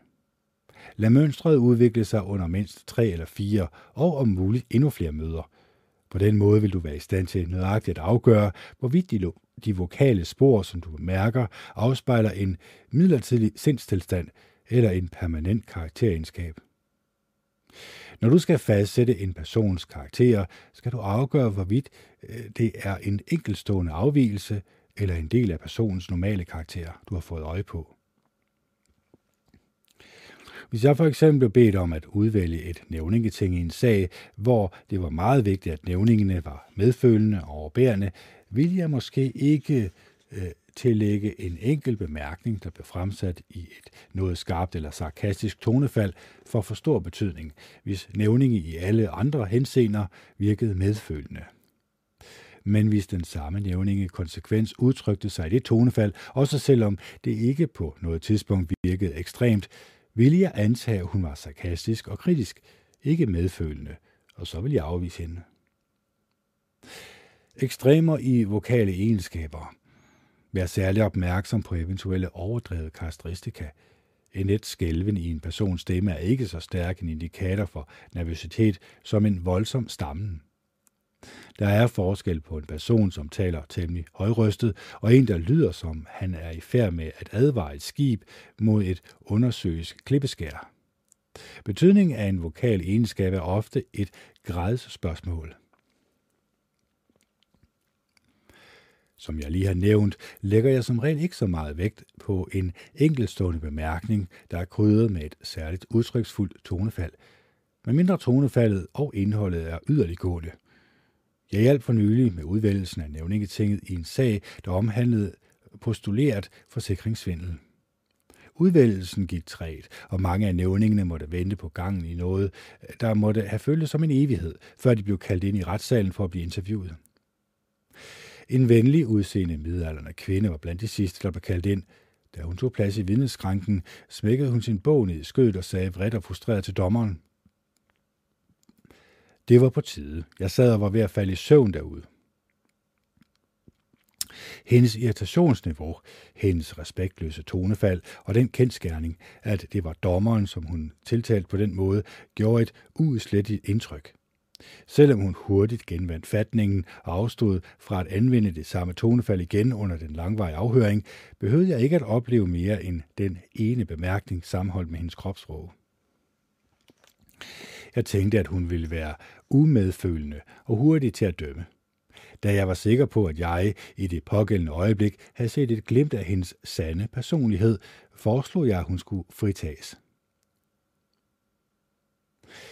Det er let at få øje på ekstreme vokale karakteristika som disse, men det kan være vanskeligt at tolke dem. I særdeleshed, I særdeleshed, når man ikke har noget indgående kendskab til den talende person. Overdrivelsen kan være et mål for intensiteten af hans følelser. Er han glad eller opstemt? Er han trist eller lider han af en alvorlig depression? Du har fundet et mønster, hvis du ved forskellige lejligheder bemærker den samme ekstreme egenskab. Den kan pege på en permanent tilstand, og du skal foretage din vurdering i overensstemmelse med hermed. Ekstreme vokale karakteristika har en videre betydning, fordi mm, deres ejer som regel er opmærksom på dem. Mange af de vokale øh, fingerpeg sniger sig ind og ud af samtalen, uden at den talende person lægger mærke til det, men hun er sædvanligvis klar over det, hvis hendes stemme knækker over af ophidselse, eller hvis hun hulker af fortvivlelse. Det betyder naturligvis ikke, at tonefaldet er taget for i anvendelse. Vi kan som regel ikke øh, undertrykke vores udtryk for ekstrem glæde, sorg, frygt og vrede.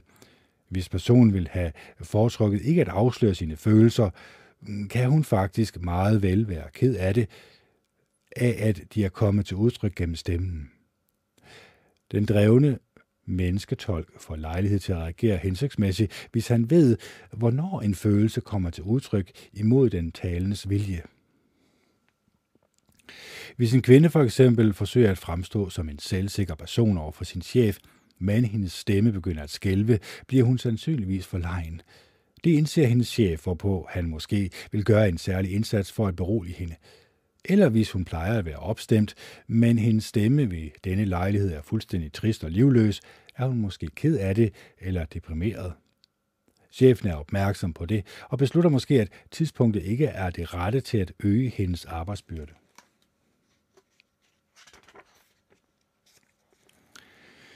En hver vokal egenskab, som er ekstrem i sammenligning med personens normale opførsel, bør vække eftertanke, uanset den egentlige ordveksling.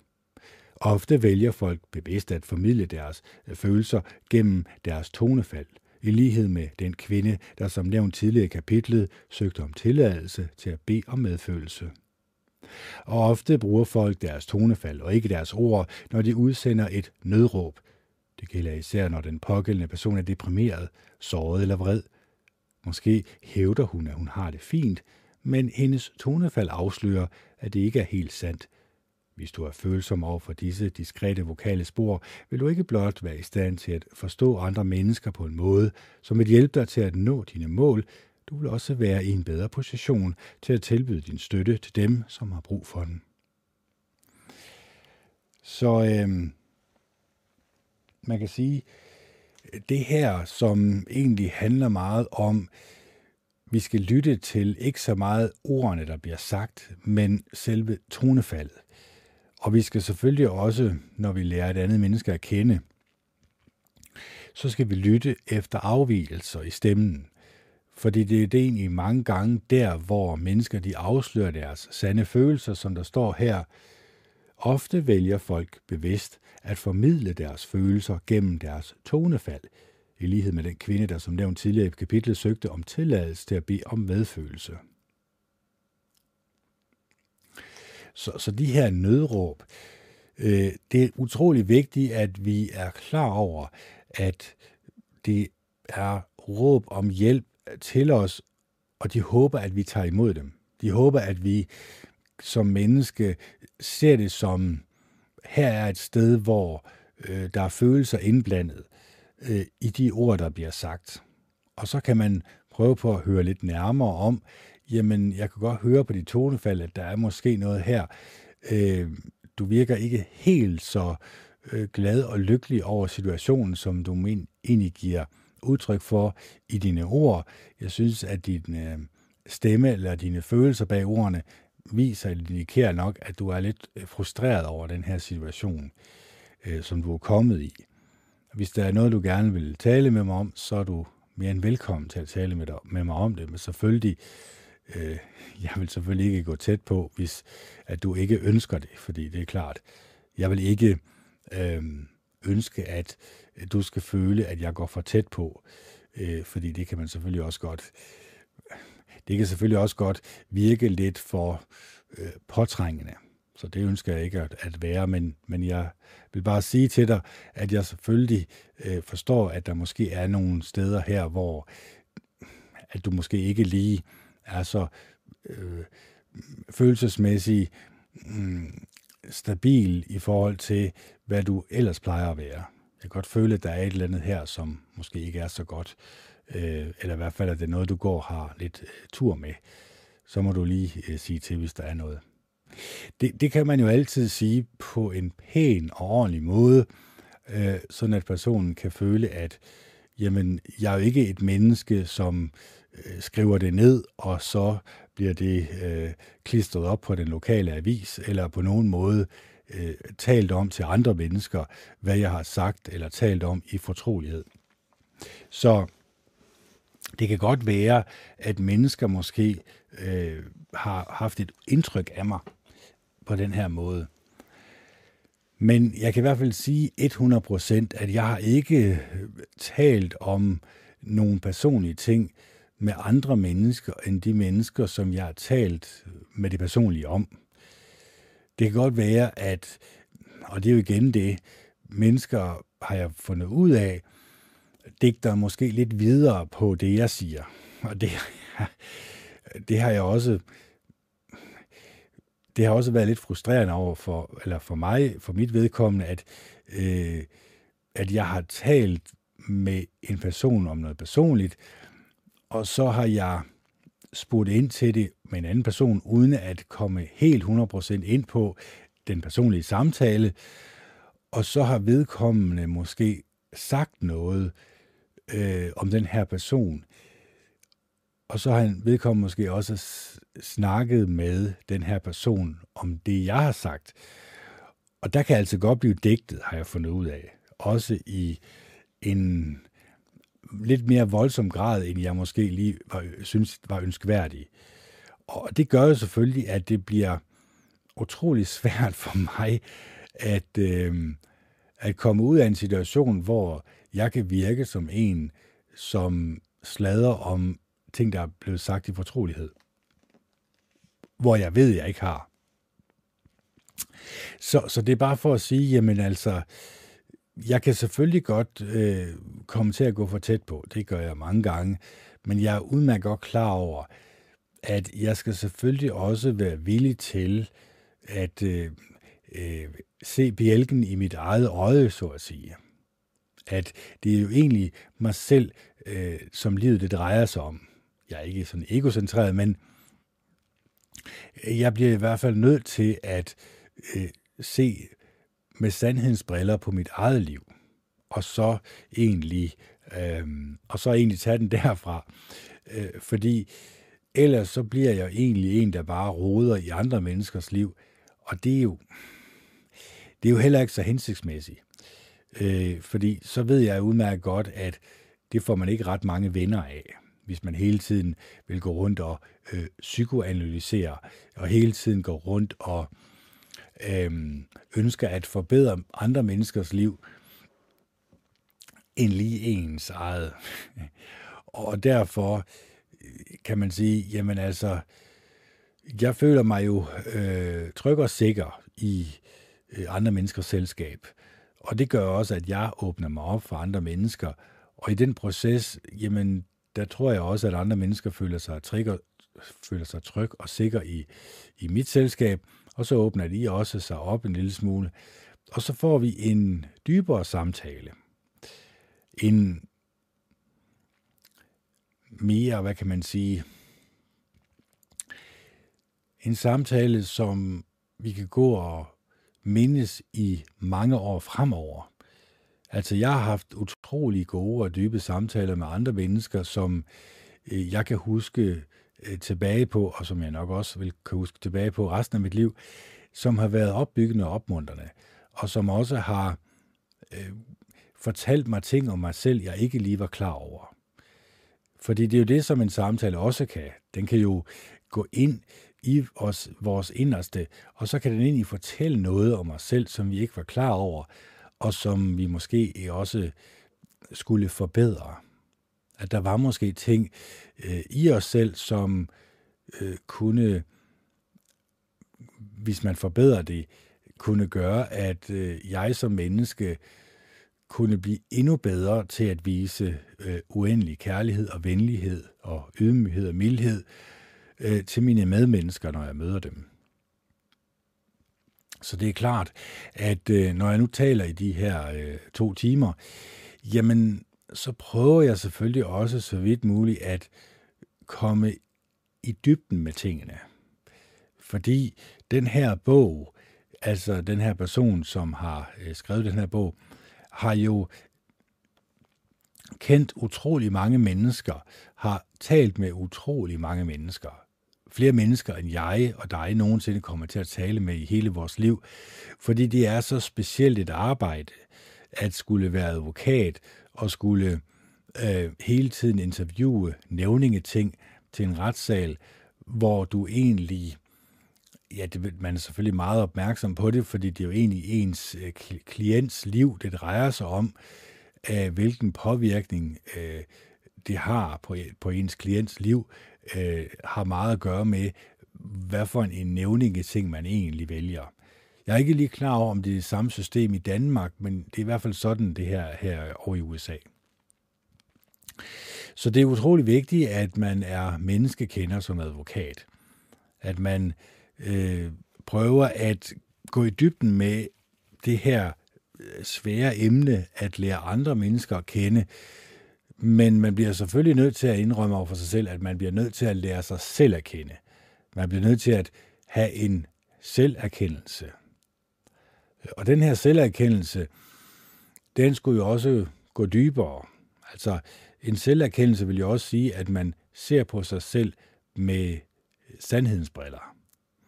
Det vil sige, at man som menneske egentlig godt en gang imellem lige kan øh, reevaluate the situation, altså reevaluere situationen, altså ligesom sige, jamen, hvordan ser mit liv ud i øjeblikket? Er jeg lykkelig og glad? Øh, har jeg det, som jeg gerne vil have det? Og, og hvis man kan konkludere, at det har man ikke, man ønsker noget bedre, man ønsker noget mere, øh, man ønsker at udfordre sig selv, jamen så er det utrolig vigtigt, at man så lige skriver de ting ned. Jamen, hvordan vil du så forbedre dit liv? Hvordan vil du så forbedre dine muligheder for at få nogle øh, bedre oplevelser i livet? Ja, så, så begynder det jo straks at blive mere personligt og mere øh, intimt og gå lidt, lidt tættere på. Så det er også derfor, at øh, når jeg laver den her selvrensagelse, så gør jeg det egentlig ikke for, at I skal føle jer forlegne eller på nogen måde afvise.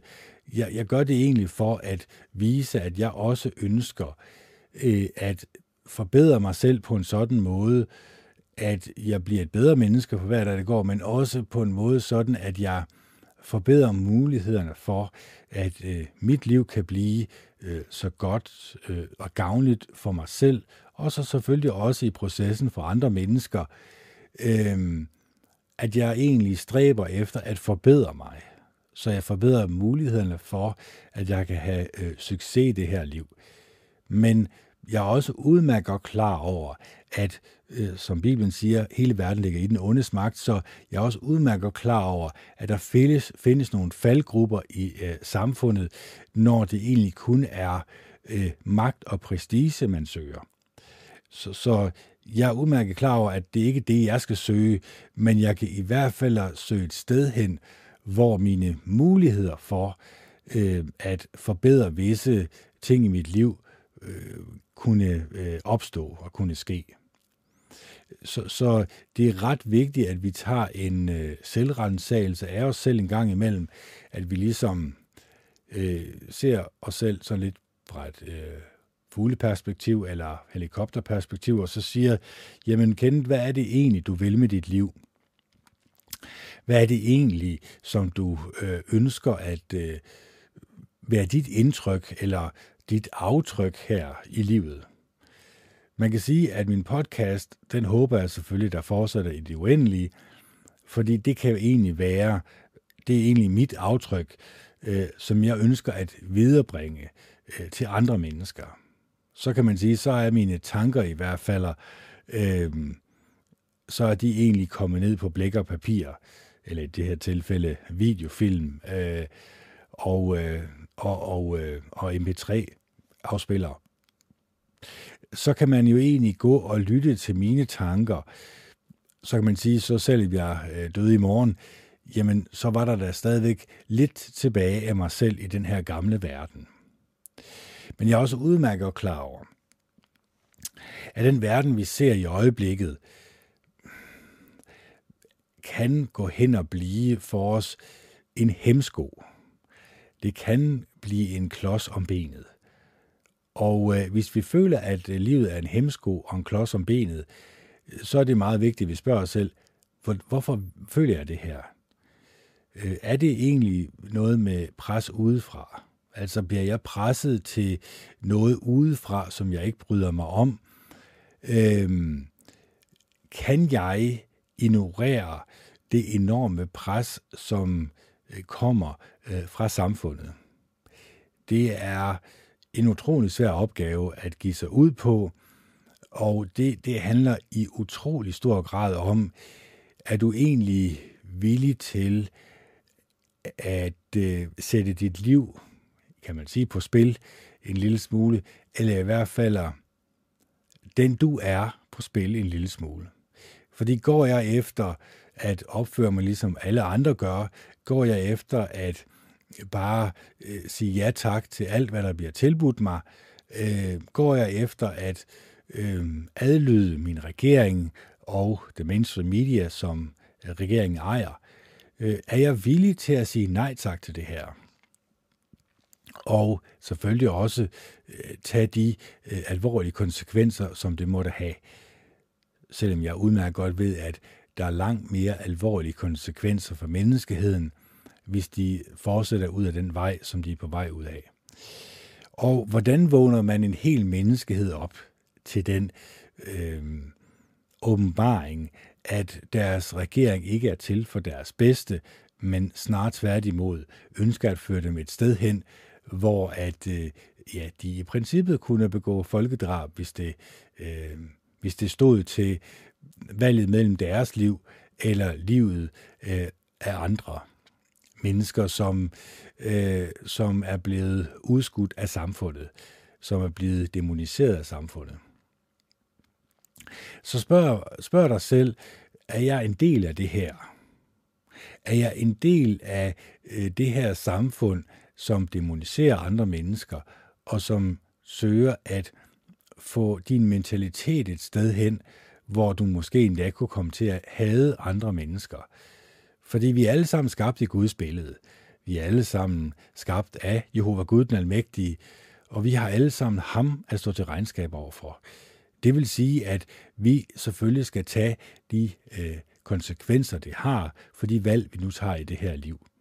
Det vil også sige, at hvis vi i fremtiden øh, stiller os øh, på, hvad kan man sige, den ondes side og gør onde gerninger, at vi egentlig bare fortsætter med at sige ja tak øh, til alt, hvad regeringen tilbyder os øh, af manipulation, så kunne vores mentalitet komme et sted hen, øh, hvor at, ja, man siger næsten, at vi er blevet psykopater, eller i hvert fald, øh, vi har mistet øh, vores medfølelse.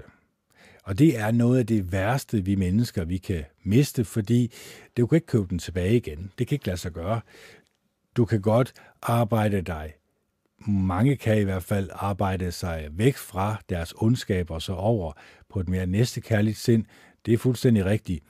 Men jeg tror også, at der måske kan være et point of no return, hvor vi øh, som mennesker mentalt kan gå hen, og så når vi er kommet derover og har accepteret det, så kan vi komme tilbage igen. Det var jo egentlig det, som man ikke lige er klar over skete efter øh, krigen øh, i Tyskland. Der er ikke ret mange mennesker, som ved, at øh, 4,2 eller jo 4,2 millioner øh, øh, tyskere, som alle sammen blev kaldt nazister, kvinder og børn inklusiv, øh, blev systematisk sultet ihjel og systematisk sendt i øh, sibiriske arbejdslejre. Så man kan egentlig sige, at hadet var egentlig bare blevet flyttet. Altså frygten øh, for nazisterne var så stor, men så da de faldt, jamen så blev det jo egentlig udskiftet med had. Fordi de mennesker, som man har frygtet kunne slå en ihjel, jamen det kommer man selvfølgelig til at hade, når frygten bliver taget fra en. Så det er egentlig frygt og had og skam. Altså frygt og had og skam, det er nogle af de værste følelser, som vi mennesker vi kan øh, lade os konsumere af. Og det er også dem følelser, som vi konstant bliver udsat for. Så øh, hvis du er klar over det, eller hvis du i fremtiden ligesom tager de her tre negative menneskelige egenskaber og følelser, og prøver at se, hvor passer de egentlig hen i de ting, jeg egentlig får ind gennem øjnene og ørerne, har du så mulighed for at sige nej tak til det, du får ind gennem øjnene og ørerne? Det er jo det, der er spørgsmålet.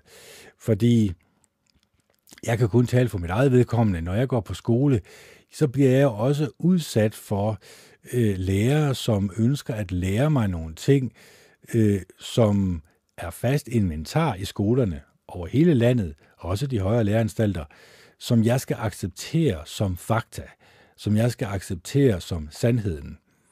Selvom jeg inderst inde tror, at det er en stor fed løgnhistorie. Så kan man sige, så går jeg jo egentlig på kompromis med, hvem jeg er inderst inde. Og øh, det kan også godt være, at hvis jeg nu skulle bevise, at jeg, øh, hvorfor jeg tror, det er en løgnhistorie, at jeg måske kommer til kort. Fordi det er jo klart, øh, i et samfund, hvor du har mainstream media, som konstant søger at presse hele en eller anden, en eller andens mening øh, i en bestemt retning. Det kan for eksempel være global opvarmning.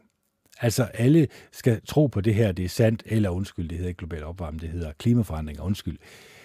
Alle skal tro på det her, og alle skal være med på det, jamen så vil du jo også blive udskammet, hvis du ikke tror på det. Fordi det er jo kollektivt nu accepteret over hele verden på alle læreanstalter, at det er selvfølgelig sandheden.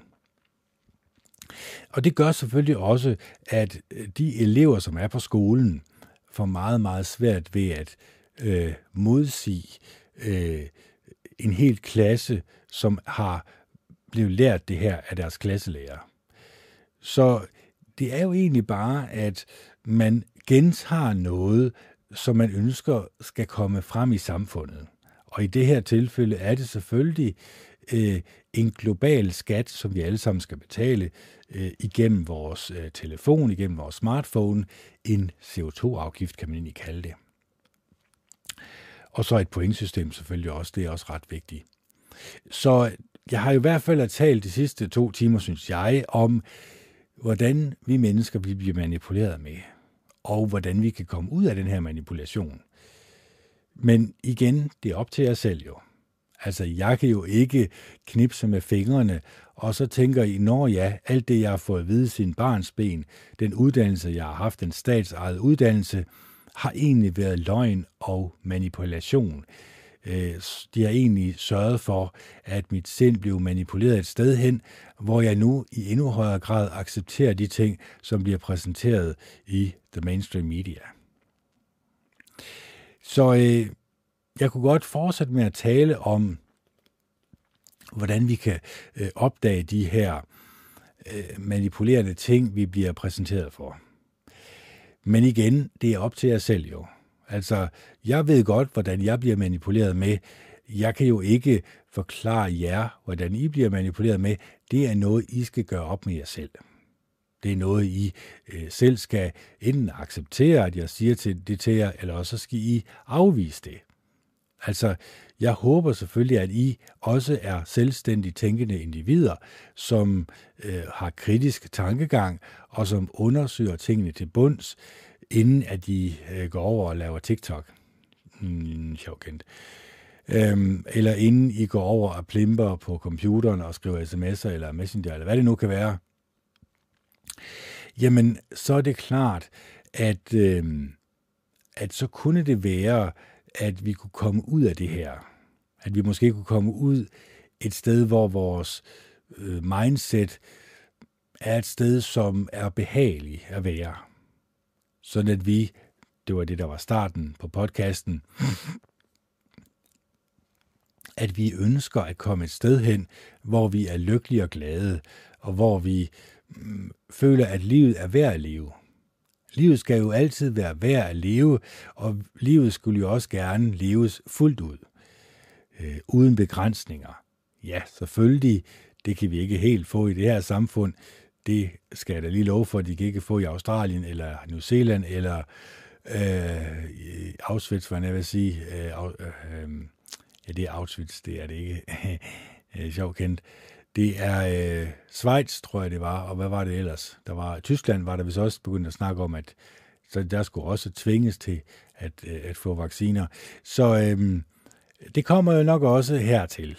Øh, enten så er det jo skam eller frygt, øh, øh, udskamning, som gør, at mennesker føler sig tvunget til øh, øh at tage de her øh, ting, og ellers så bliver det måske øh, så besværligt, øh, Øh, i fremtiden øh, at være øh, udenfor, at det er bedre at være indenfor. Men igen, så må man jo også tage de alvorlige konsekvenser, det kan have, når man øh, har fået tredje og fjerde og femte og sjette og syvende og ottende skud, så kunne det godt tænke sig, at man på et eller andet tidspunkt, det går op for en, at det måske ikke er selve sygdommen, der er øh, fjenden af menneskeheden, men det måske er den manipulerende regering samt mainstream media, som de kontrollerer, som egentlig har manipuleret os et sted hen, hvor vi føler frygt, og hvor vi øh, føler skam, og hvor vi føler vrede over andre mennesker, øh, som ikke gør det samme, som vi gør, og som regeringen ønsker, at vi skal gøre. Så øh, lad os ikke komme det sted hen. Lad os ikke blive manipuleret med, fordi det vil ikke gavne os på nogen måde. Vi skal meditere over det at være et godt og et rart menneske. Og så skal vi gøre noget ved det. Så skal vi virkelig vise, at vi også øh, som mennesker øh, kan øh, gøre det, at vores mentalitet kommer et sted hen, hvor jamen, alle de her negative tanker og følelser, de egentlig er borte fra os. De ligger langt væk fra os i en sådan grad, at det egentlig kun er positivitet, vi trækker op af hatten, når vi taler med hinanden. Det kunne være så vidunderligt, hvis det kunne lade sig gøre, men igen kendt, du kan tale for din syge moster, men kommer det til at ske? Ja, det ved jeg ikke rigtigt. Øh, jo, i den nye verden, når Jehova Gud han griber ind, og ja, som I nok har hørt øh, Jehovas vidner tale om, at de venter jo bare på Armageddon. Men jeg synes selvfølgelig også, når jeg så læser deres litteratur, så kan jeg godt se, at de også ønsker at udskamme en bestemt befolkningsgruppe i øh, samfundet. Så jeg tror ikke, at Jehova Gud han står bag den organisation. Det kan jeg næsten garantere for, eller det kan jeg garantere for, at han ikke gør. Fordi han ønsker nemlig ikke, at mennesker skal deles op i dag og et B-hold. Fordi han ser alle mennesker som lige, og han ønsker, at alle mennesker skal vise den samme form for næstekærlighed og venlighed og ydmyghed og mildhed over for hinanden.